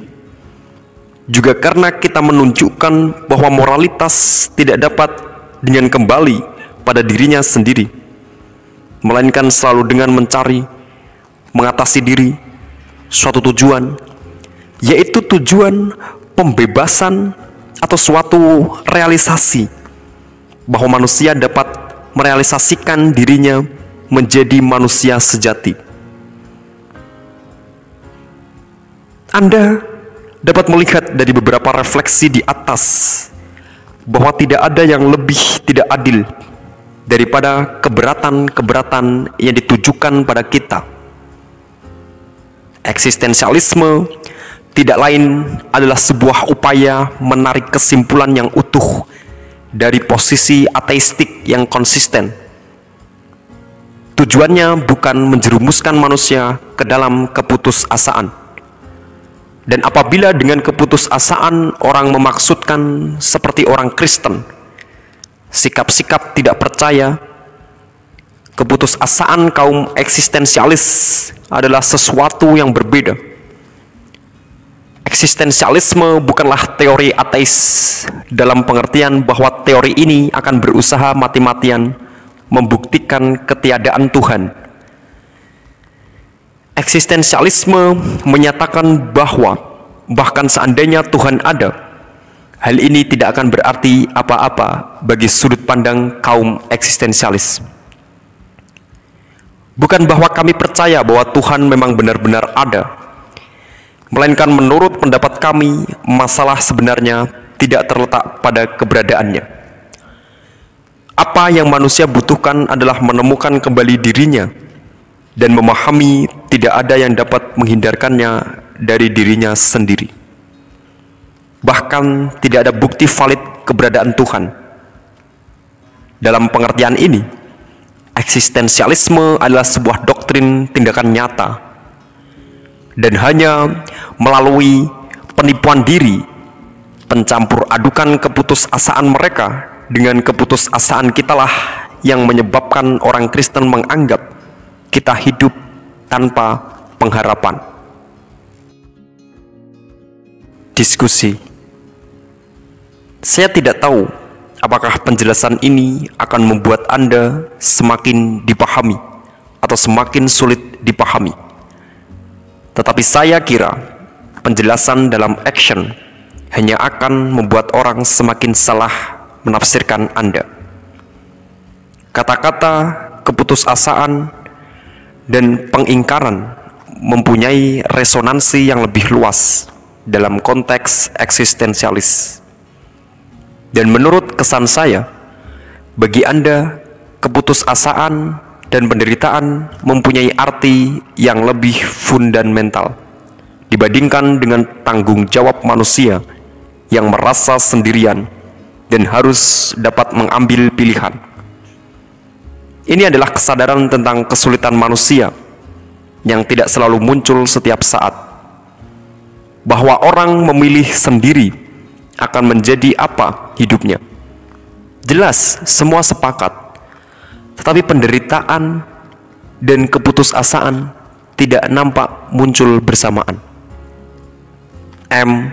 Sartre Jelas, saya tidak bermaksud mengatakan bahwa setiap kali saya memilih antara coklat atau permen. Saya memilih dalam penderitaan. Penderitaan adalah sesuatu yang konstan. Dalam pengertian ini, bahwa pilihan saya yang otentik adalah sesuatu yang konstan. Memang, menurut saya, penderitaan ini adalah ketiadaan yang lengkap akan pembenaran ketika orang bertanggung jawab dalam kaitan dengan orang lain. Pertanyaan: Saya merujuk sudut pandang penjelasan Anda yang Anda terbitkan dalam action, di mana menurut kesan saya, sudut pandang Anda menjadi agak melemah. M. Sartre Sejujurnya, hal itu mungkin saja terjadi bahwa tema-tema saya menjadi agak melemah dalam action. Seringkali terjadi bahwa orang-orang yang datang dan mengajukan pertanyaan kepada saya tidak mempunyai kualifikasi yang memadai untuk mengajukan pertanyaan. Akibatnya, saya dihadapkan pada dua alternatif, yaitu menolak untuk menjawab atau menerima pembahasan pada level yang dapat diterima. Saya memilih alternatif kedua, karena bagaimanapun juga, ketika orang menjabarkan teori-teori di sebuah kelas filsafat, orang akan membiarkan ide-ide yang melemahkan agar dapat dipahami, dan saya pikir ini bukanlah hal yang buruk untuk dilakukan. Jika orang mempunyai sebuah teori tentang komitmen, orang harus memilih untuk melihatnya secara menyeluruh. Apabila memang filsafat eksistensial pertama-tama adalah sebuah filsafat yang menyatakan bahwa eksistensi mendahului esensi. Filsafat ini harus diterapkan dalam hidup agar nampak jelas kebenarannya.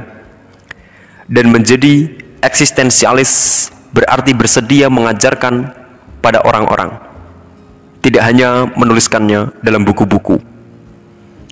Jika Anda ingin filsafat ini benar-benar menjadi sebuah komitmen, Anda harus mengajarkan filsafat ini pada orang-orang yang membahasnya dalam bidang politik atau moral. Anda mengkritik saya karena saya menggunakan kata humanisme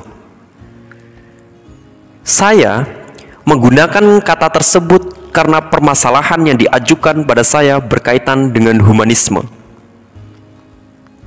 Orang harus memilih apakah tetap menjaga doktrin agar tetap berada dalam lingkup filsafat secara ketat dan menunggu munculnya kesempatan untuk membicarakannya atau karena melihat orang menuntut hal lain dan karena maksud utamanya adalah menjadikan filsafat ini sebagai sebuah komitmen, orang mesti membiarkan filsafat ini dibahas dalam bahasa yang dapat lebih diterima hayalaya umum. Sejauh orang tidak mendistorsikannya. Pertanyaan: Mereka yang ingin memahami Anda akan memahami Anda dan mereka yang tidak ingin memahami Anda tetap tidak akan memahami Anda. M. Sarter Nampaknya Anda melihat peran yang dimainkan oleh filsafat di peradaban ini meskipun dalam pengertian yang telah ketinggalan zaman. Sampai sekarang, filsuf-filsuf hanya mendapat serangan dari filsuf-filsuf lain masyarakat umum tidak paham dan tidak terlalu mempedulikan perdebatan tersebut. Bagaimanapun juga, sekarang masyarakat telah membuat filsafat masuk ke pasaran. Marx sendiri tidak pernah berhenti mempopulerkan pemikirannya. Manifesto adalah suatu usaha mempopulerkan suatu ide. Pertanyaan: Tujuan Mark yang sebenarnya adalah tujuan revolusi. M. Sartre Orang yang mengatakan apakah Mark pertama-tama memilih menjadi seorang revolusioner dan baru kemudian menjadi seorang filsuf atau menjadi filsuf dulu baru kemudian menjadi seorang revolusioner pastilah orang yang sangat pintar berbohong Mark adalah seorang filsuf dan sekaligus seorang revolusioner. Itulah Mark. Dengan mengatakan bahwa pertama ia memilih menjadi seorang revolusioner. Apa maksudnya?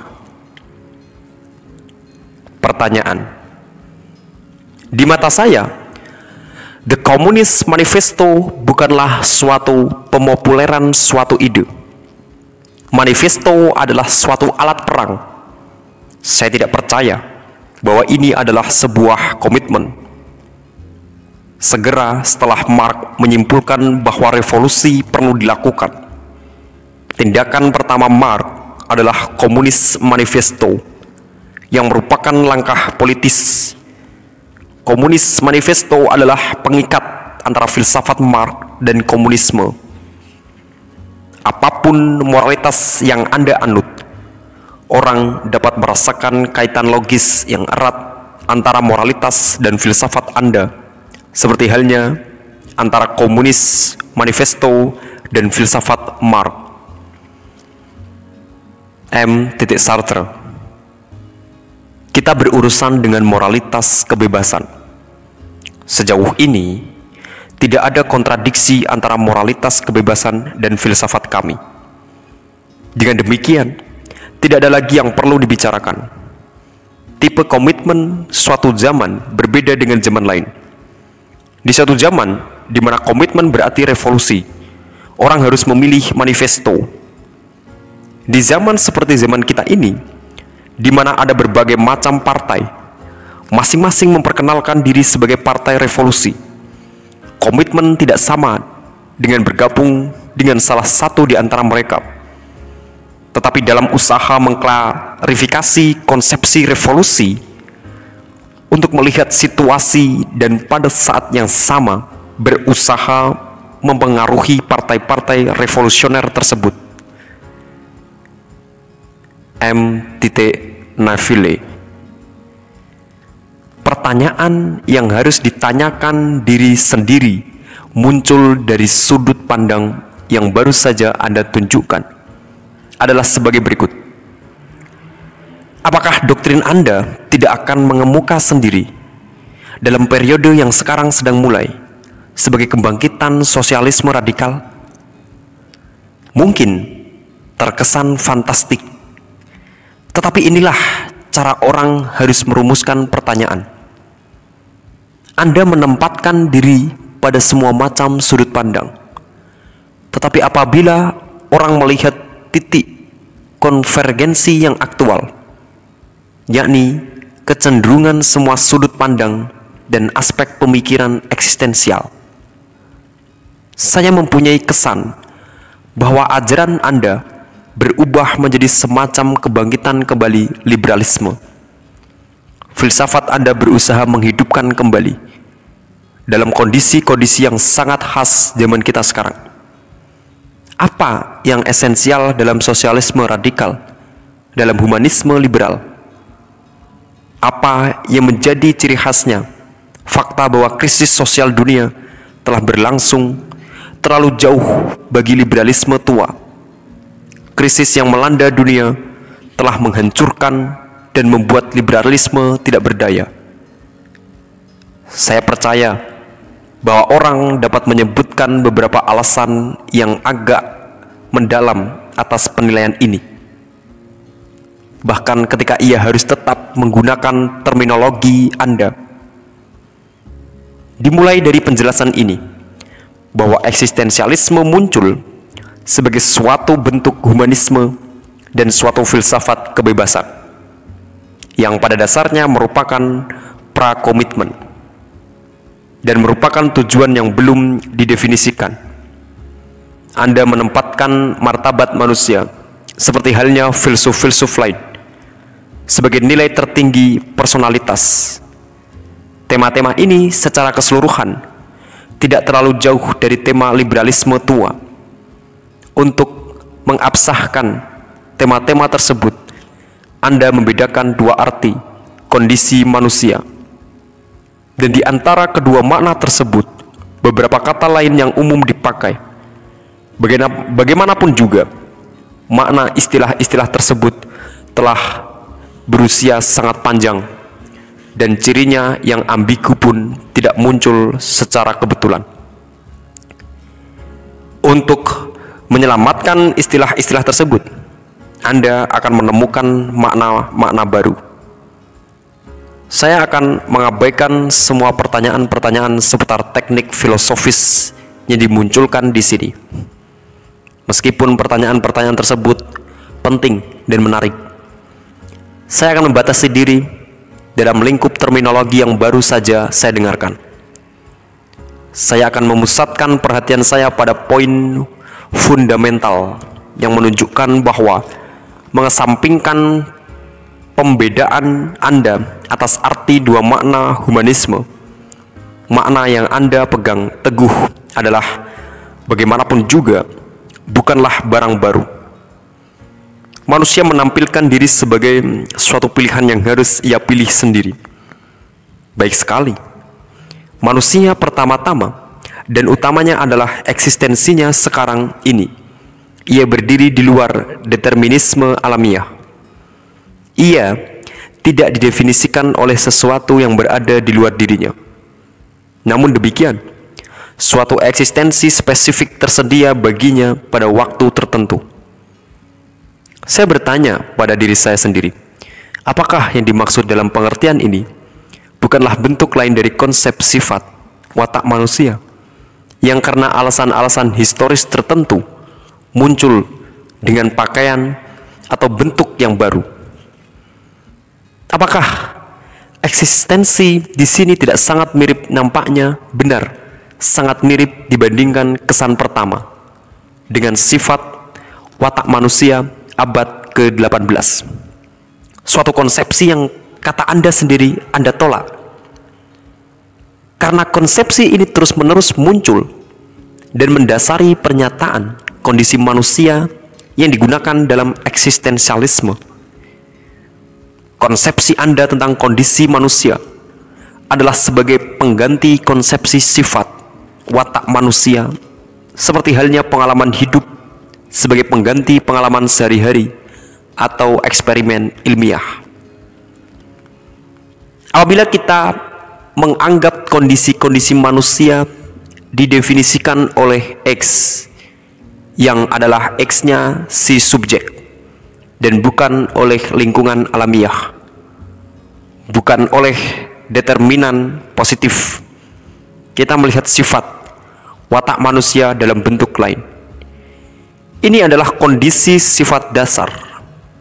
Jika Anda suka yang tentunya tidak diartikan bahwa ini dapat didefinisikan sebagai sekedar tipe sifat dasar yang abstrak. Sifat dasar ini dinyatakan dengan cara yang jauh lebih sulit untuk diformulasikan karena menurut saya alasan historis.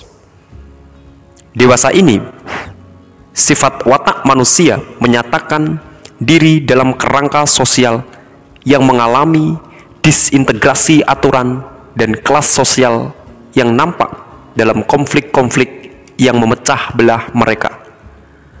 Semua ras dan bangsa di dunia. Makna sifat watak manusia yang seragam dan skematis sekarang tidak dapat disamakan dengan ciri umum ataupun aspek universalitas abad ke-18 yaitu suatu zaman yang nampaknya dapat didefinisikan sebagai zaman yang dilandaskan pada konsep kemajuan yang terus-menerus. Dewasa ini, kita memusatkan perhatian pada pernyataan sifat watak manusia yang disebut sebagai kondisi manusia, baik oleh orang cerdik, pandai, maupun orang kebanyakan.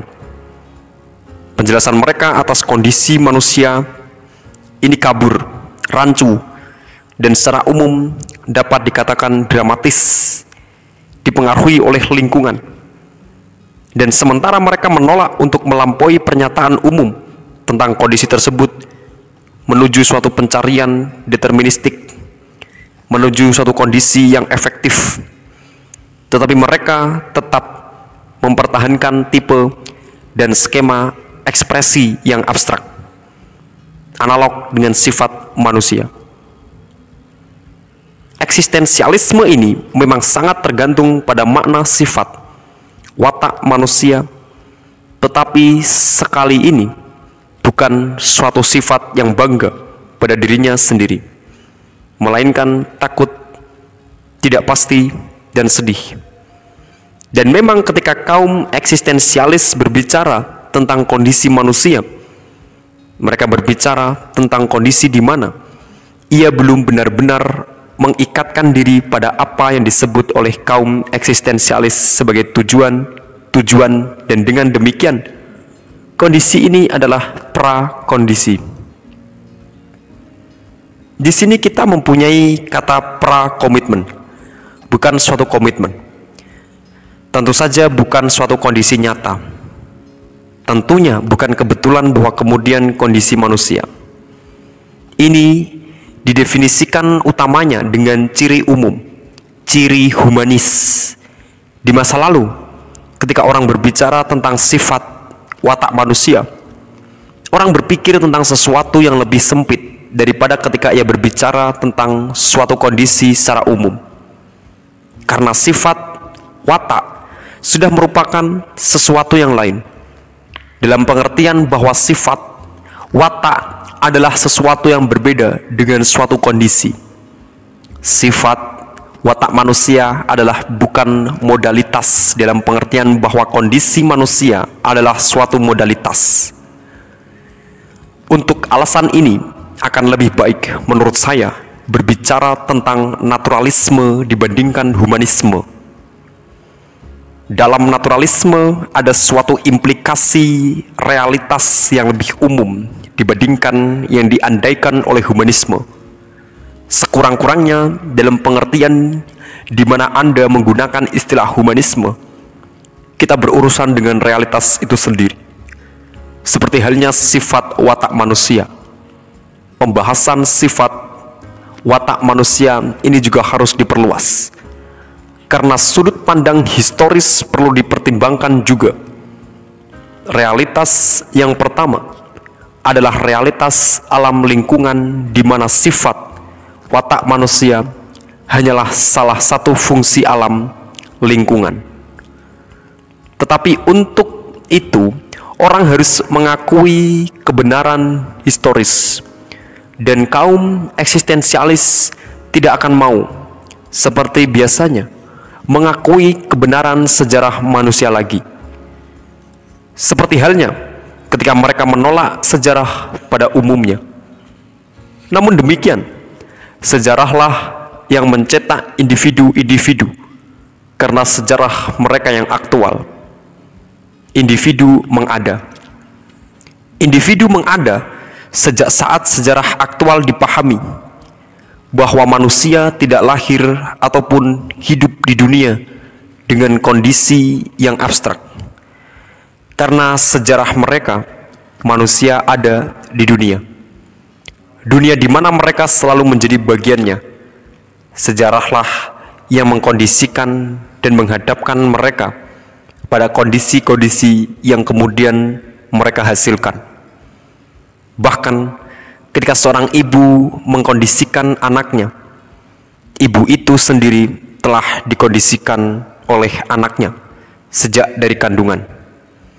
Hanya dari sudut pandang inilah kita mempunyai hak mengatakan bahwa kondisi manusia adalah realitas pertama. Orang seharusnya mengatakan bahwa kondisi alamiahlah yang merupakan realitas pertama, bukan kondisi manusia.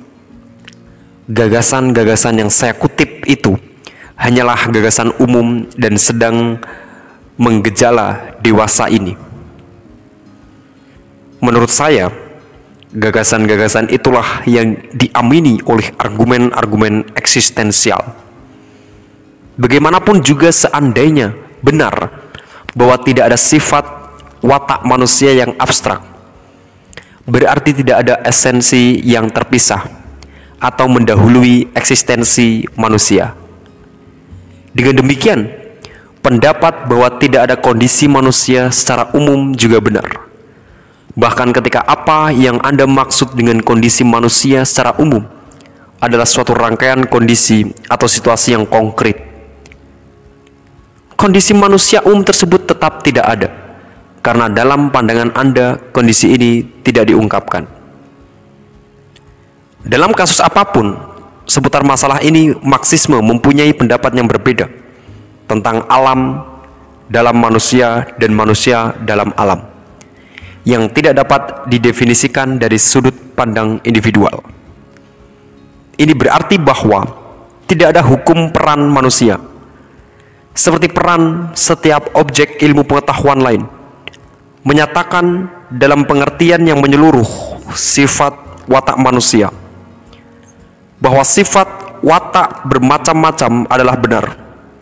Ini mirip dengan teori fenomenologi yaitu bahwa setiap persepsi yang dapat dirasakan empiris dan hidup atau persepsi-persepsi yang diperoleh melalui pengertian umum atau lebih tepatnya pengertian umum yang diasumsikan oleh para filsuf.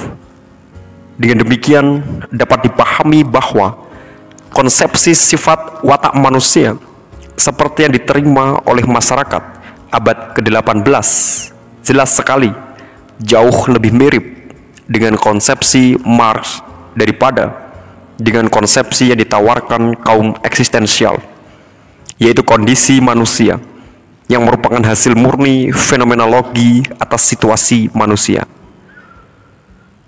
Dewasa ini, sayang sekali kata humanisme digunakan untuk mengidentifikasikan kecenderungan-kecenderungan filsafat. Tidak hanya dalam dua, tetapi tiga, empat, lima, bahkan enam pengertian. Dewasa ini kita semua adalah humanis, terutama kaum Marxis mereka yang mengaku diri sebagai rasionalis klasik dalam pengertian bahwa mereka telah berlaku sinis pada kami mengambil dari ide-ide liberal abad lalu. Liberalisme yang telah dibelokkan oleh krisis kontemporer dunia. Kalau kaum Marxis dapat mengklaim diri sebagai kaum humanis bermacam-macam pengikut agama Kristen, Hindu, dan banyak yang lain. Bagaimanapun juga akan mengklaim diri sebagai humanis. Demikian pula pada gilirannya kaum eksistensialis dan secara umum semua aliran filsafat akan mengaku diri humanis. Semua klaim tersebut adalah upaya mempertahankan eksistensi aliran filsafat yang demi klaim-klaimnya menolak pada kesempatan yang terakhir untuk tetap mengikatkan diri pada dirinya sendiri.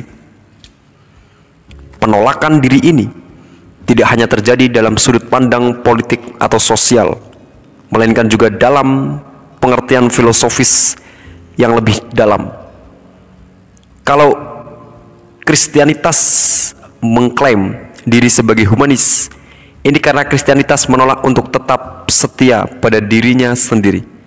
Karena Kristianitas tidak kuasa, yakni tidak kuasa bersaing dengan kekuatan progresif yang bertentangan dengannya.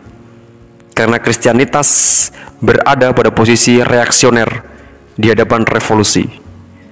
Ketika pengikut Mark gadungan dalam kaum liberal menempatkan hak-hak individu di atas segala-galanya ini karena mereka melarikan diri dari situasi darurat dunia dewasa ini.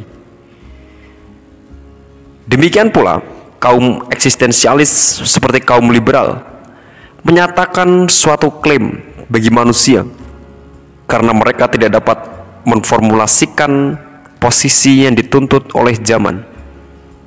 Dan satu-satunya posisi progresif yang dikenal adalah Marxisme hanya Marxisme yang dapat mengungkapkan masalah zaman ini yang sebenarnya.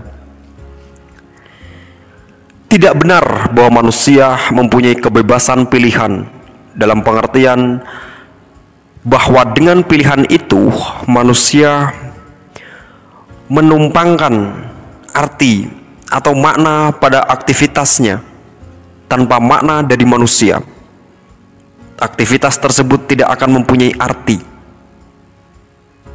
adalah tidak memadai mengatakan bahwa manusia dapat berjuang demi kebebasan tanpa tahu apa yang mereka lakukan. Atau apabila kita memperjelas pengertian ini sejelas-jelasnya, ini berarti bahwa manusia dapat melibatkan diri dalam suatu perjuangan demi suatu alasan yang menentang manusia itu sendiri, yakni bahwa mereka dapat bertindak dalam kerangka yang lebih besar daripada mereka sendiri. Jadi, bukan tindakan dari diri mereka sendiri, karena pada akhirnya, apabila manusia berjuang demi kebebasan tanpa menyadarinya, tanpa dapat mengatakan secara persis bagaimana atau tujuan apa yang mereka perjuangkan. Apa artinya semua itu? bahwa tindakan-tindakannya akan mengakibatkan rangkaian konsekuensi-konsekuensi yang menjalin keseluruhan jaring-jaring kausalitas yang ia sendiri tidak dapat terangkum semuanya, tetapi yang melingkupi tindakan-tindakannya dan memberi makna bagi aktivitas-aktivitas yang lain, tidak hanya bagi sesama manusia, tetapi juga lingkungan alam di mana manusia melakukan suatu tindakan tetapi dari sudut pandang Anda. Suatu pilihan adalah suatu prapilihan. Saya kembali lagi pada prefix ini. Karena saya pikir Anda masih menyimpan persediaan dalih. Dengan prapilihan ini, orang berkaitan dengan kebebasan untuk acuh tak acuh dahulu tetapi konsepsi Anda tentang kondisi dan kebebasan manusia berkaitan dengan suatu definisi objektif tertentu. Saya berpendapat bahwa dengan definisi objektif di sini, Anda dapat mendasarkan segala hal pada gagasan dunia objek sebagai sarana dari citra makhluk yang mengada secara tidak kontinu anda membangun sebuah gambaran dunia objek yang tidak berlangsung terus-menerus. Di dunia objek ini tidak ada kausalitas kecuali tetek bengek keterkaitan kausal yang aneh, yaitu keterhubungan kausal utilitas pasif yang tidak dapat dipahami dan layak untuk ditinggalkan. Kaum eksistensialis tersandung di dunia nyata di dunia yang penuh rintangan, hambatan yang tidak beraturan, kusut dan tumpang tindih, dengan keinginan fantastis untuk membuat segala rintangan, hambatan saling mendukung satu sama lain. Tetapi semuanya terbungkus stigma yang sangat buruk di mata kaum idealis. Dengan apa yang mereka sebut kedangkalan, bagaimanapun juga model deterministik praktis ini a kausal karena di mana awal atau akhir dunia semacam itu definisinya kurang lebih sepenuhnya arbitrer dan tidak sesuai dengan data-data ilmu pengetahuan modern. Bagi kami, dunia ini tidak berawal atau berakhir di mana pun, karena pemisahan-pemisahan yang dibuat kaum eksistensialis pemisahan dari alam atau lebih tepatnya pemisahan dari kondisi manusia semakin membuat tidak jelas, tidak konkret. Hanya ada satu dunia dan hanya itu saja. Menurut pandangan kami dan keseluruhan dunia ini, baik manusia maupun benda-benda. Apabila Anda harus membuat perbedaan, dapat dilihat dalam kondisi-kondisi tertentu dengan objektivitas fungsi bintang, amarah, atau bunga. Saya tidak akan berdebat soal ini, tetapi saya tetap pada pendirian saya bahwa kebebasan, idealisme Anda dibangun dari kejijikan yang arbiter atas sesuatu. Dan memang sesuatu itu sangat berbeda dengan penjelasan yang Anda berikan tentangnya. Anda mengakui eksistensi mereka sebagai hak mereka Sejauh ini tidak ada masalah. Tetapi eksistensi ini adalah eksistensi yang dimiskinkan. Salah satu bagian kebencian yang permanen. Di mata Anda, semesta fisik dan biologis tidak pernah menjadi kondisi dan sumber pengkondisian kata itu. Kata ini dalam pengertian yang utuh dan praktis tidak mempunyai makna lebih dibandingkan kata alasan atau dalih. Dengan demikian, semesta dunia objektif bagi kaum eksistensialis adalah bukan apa-apa, tetapi hanyalah suatu kecemasan, gangguan yang akan segera lenyap. Secara mendasar tidak berarti apa-apa dan hanyalah kebetulan semata. Pendek kata, kebalikan dengan pendapat kaum materialis Marxis. Untuk semua alasan itu dan beberapa alasan lain, Anda hanya dapat menerima komitmen filsafat sebagai keputusan arbiter yang Anda sahkan sebagai kebebasan. Anda mendenaturasikan sejarah. Bahkan sejarah Mark ketika Anda mengatakan bahwa Mark membuat sebuah garis besar filsafat karena Mark merasa berkomitmen untuk melakukannya. Sebaliknya, komitmen atau lebih tepatnya tindakan-tindakan sosial dan politik secara umum adalah faktor determinan pemikiran Mark. Dari bermacam ragam pengalaman, Mark menyarikan doktrinnya. Nampak jelas bagi saya bahwa perkembangan pemikiran filosofis Mark terjadi dalam hubungan yang disadari dengan perkembangan politik dan sosial. Kasusnya kurang lebih sama dengan apa yang dialami oleh semua filsuf terdahulu. Kant adalah seorang filsuf sistematik yang dikenal membatasi diri dari semua aktivitas politik. Tetapi ini tidak berarti bahwa filsafatnya tidak memerankan peran politik tertentu Kan adalah Robespierre-nya Jerman. Kata Heine bahkan sampai pada suatu pengakuan bahwa misalnya zaman Descartes bahwa perkembangan filsafat tidak mempunyai kaitan langsung dengan dunia politik. Bagaimanapun juga adalah pendapat yang salah. Sudah tidak mungkin mengatakan pendapat tersebut sejak satu abad terakhir ini Dewasa ini mungkin, dewasa ini untuk membangun kembali dalam bentuk apa pun sebuah posisi pra-marxisme. Saya menyebut usaha-usaha tersebut sebagai usaha-usaha kembali ke sosialisme radikal. Apabila eksistensialisme berusaha mewujudkan suatu kehendak untuk revolusi, hal pertama yang harus dilakukan adalah melakukan autokritik saya tidak yakin bahwa para pengikut doktrin ini akan dengan senang hati melakukan autokritik ini. Namun demikian, autokritik ini tidak bisa, tidak harus dilakukan. Kritik ini akan memaksa pendukung eksistensialisme mengalami suatu krisis dialektik apabila doktrin ini masih ingin mempertahankan posisi-posisi syarat nilai yang dianut oleh para partisipannya oleh para partisipannya.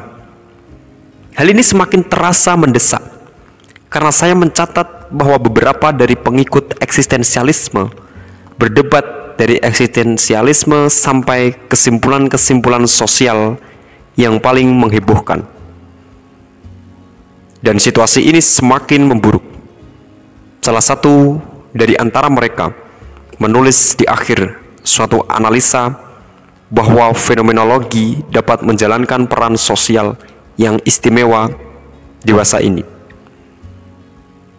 yaitu menyediakan bagi kaum petite bourgeoisie sebuah filsafat yang akan membuat mereka hidup dan menjadi ujung tombak gerakan-gerakan revolusioner dengan tafsiran penyadaran ini, orang dapat memberikan petite bourgeoisie, sebuah filsafat yang berkaitan dengan eksistensinya yang menjadikannya garda depan gerakan revolusioner.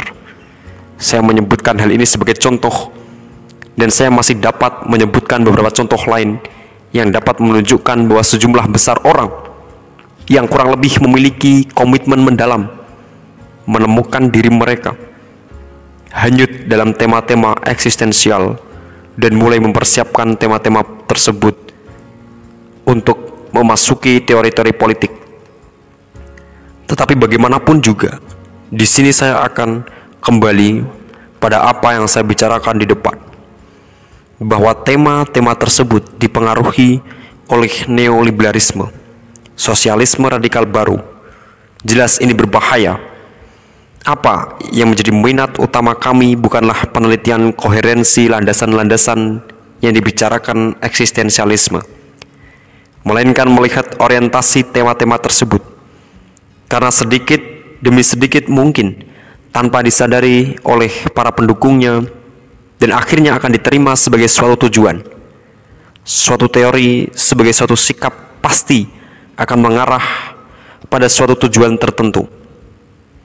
Tentu tidak menuju ketidakacuhanisme. Berbicara tentang ketidakacuhanisme sama saja membuang waktu.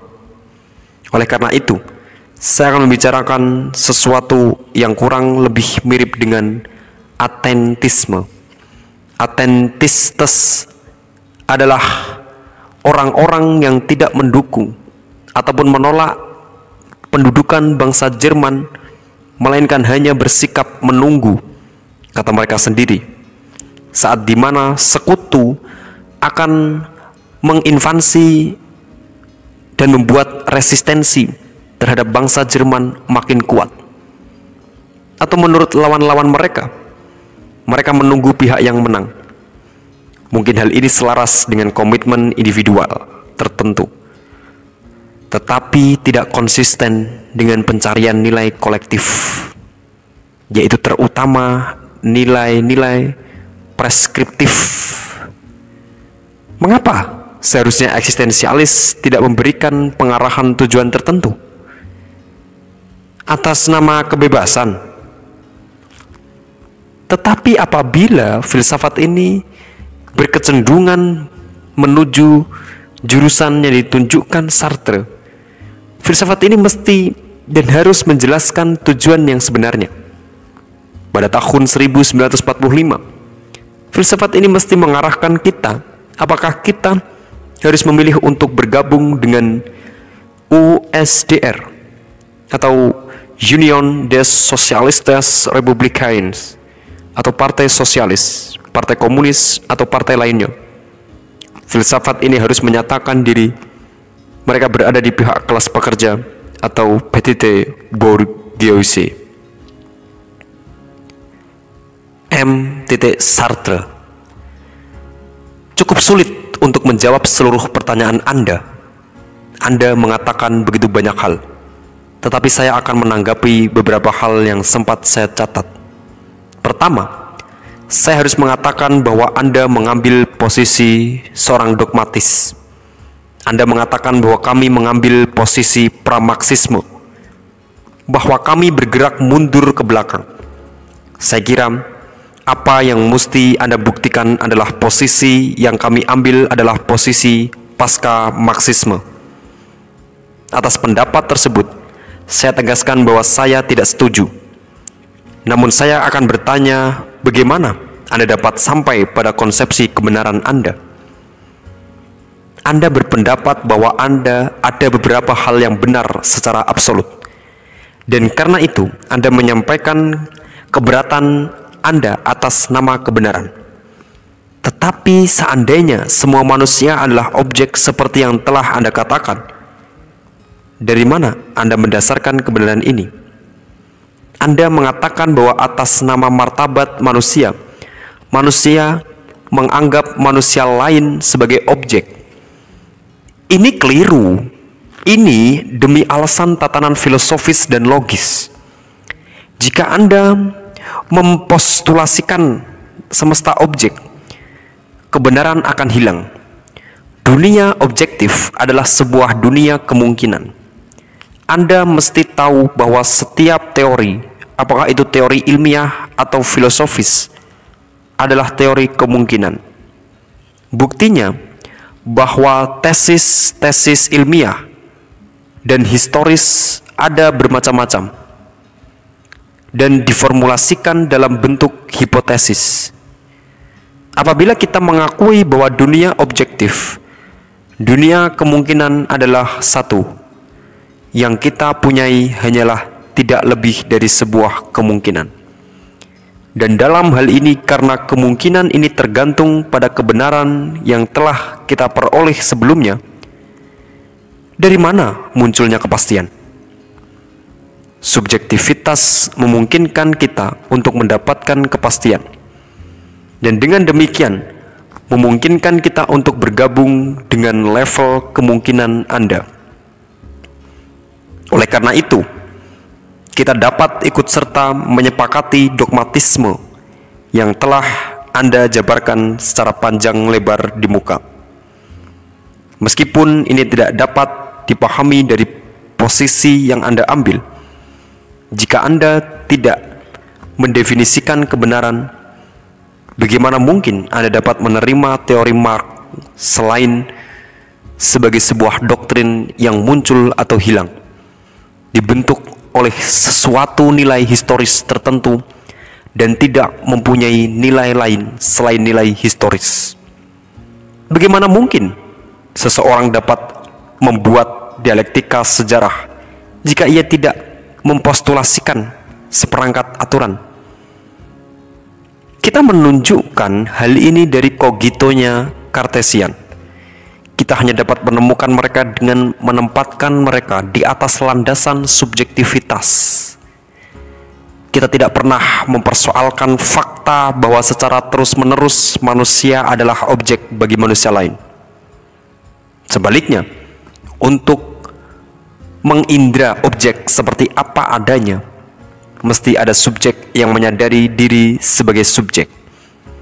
Anda berbicara tentang kondisi manusia yang kadang-kadang Anda sebut pra-kondisi, dan Anda berbicara tentang pra-determinasi. Apa yang terlepas dari pengamatan Anda di sini adalah kita terlalu terikat pada penjelasan-penjelasan Mark. Anda tidak dapat mengkritik saya seperti Anda mengkritik orang-orang abad ke-18 yang lalai dengan keseluruhan permasalahan. Kita telah cukup lama memahami apa yang Anda jelaskan tentang determinisme. Bagi kami, masalahnya sebenarnya adalah mendefinisikan kondisi-kondisi di mana universalitas mungkin ada atau terjadi. Karena tidak ada sifat watak manusia.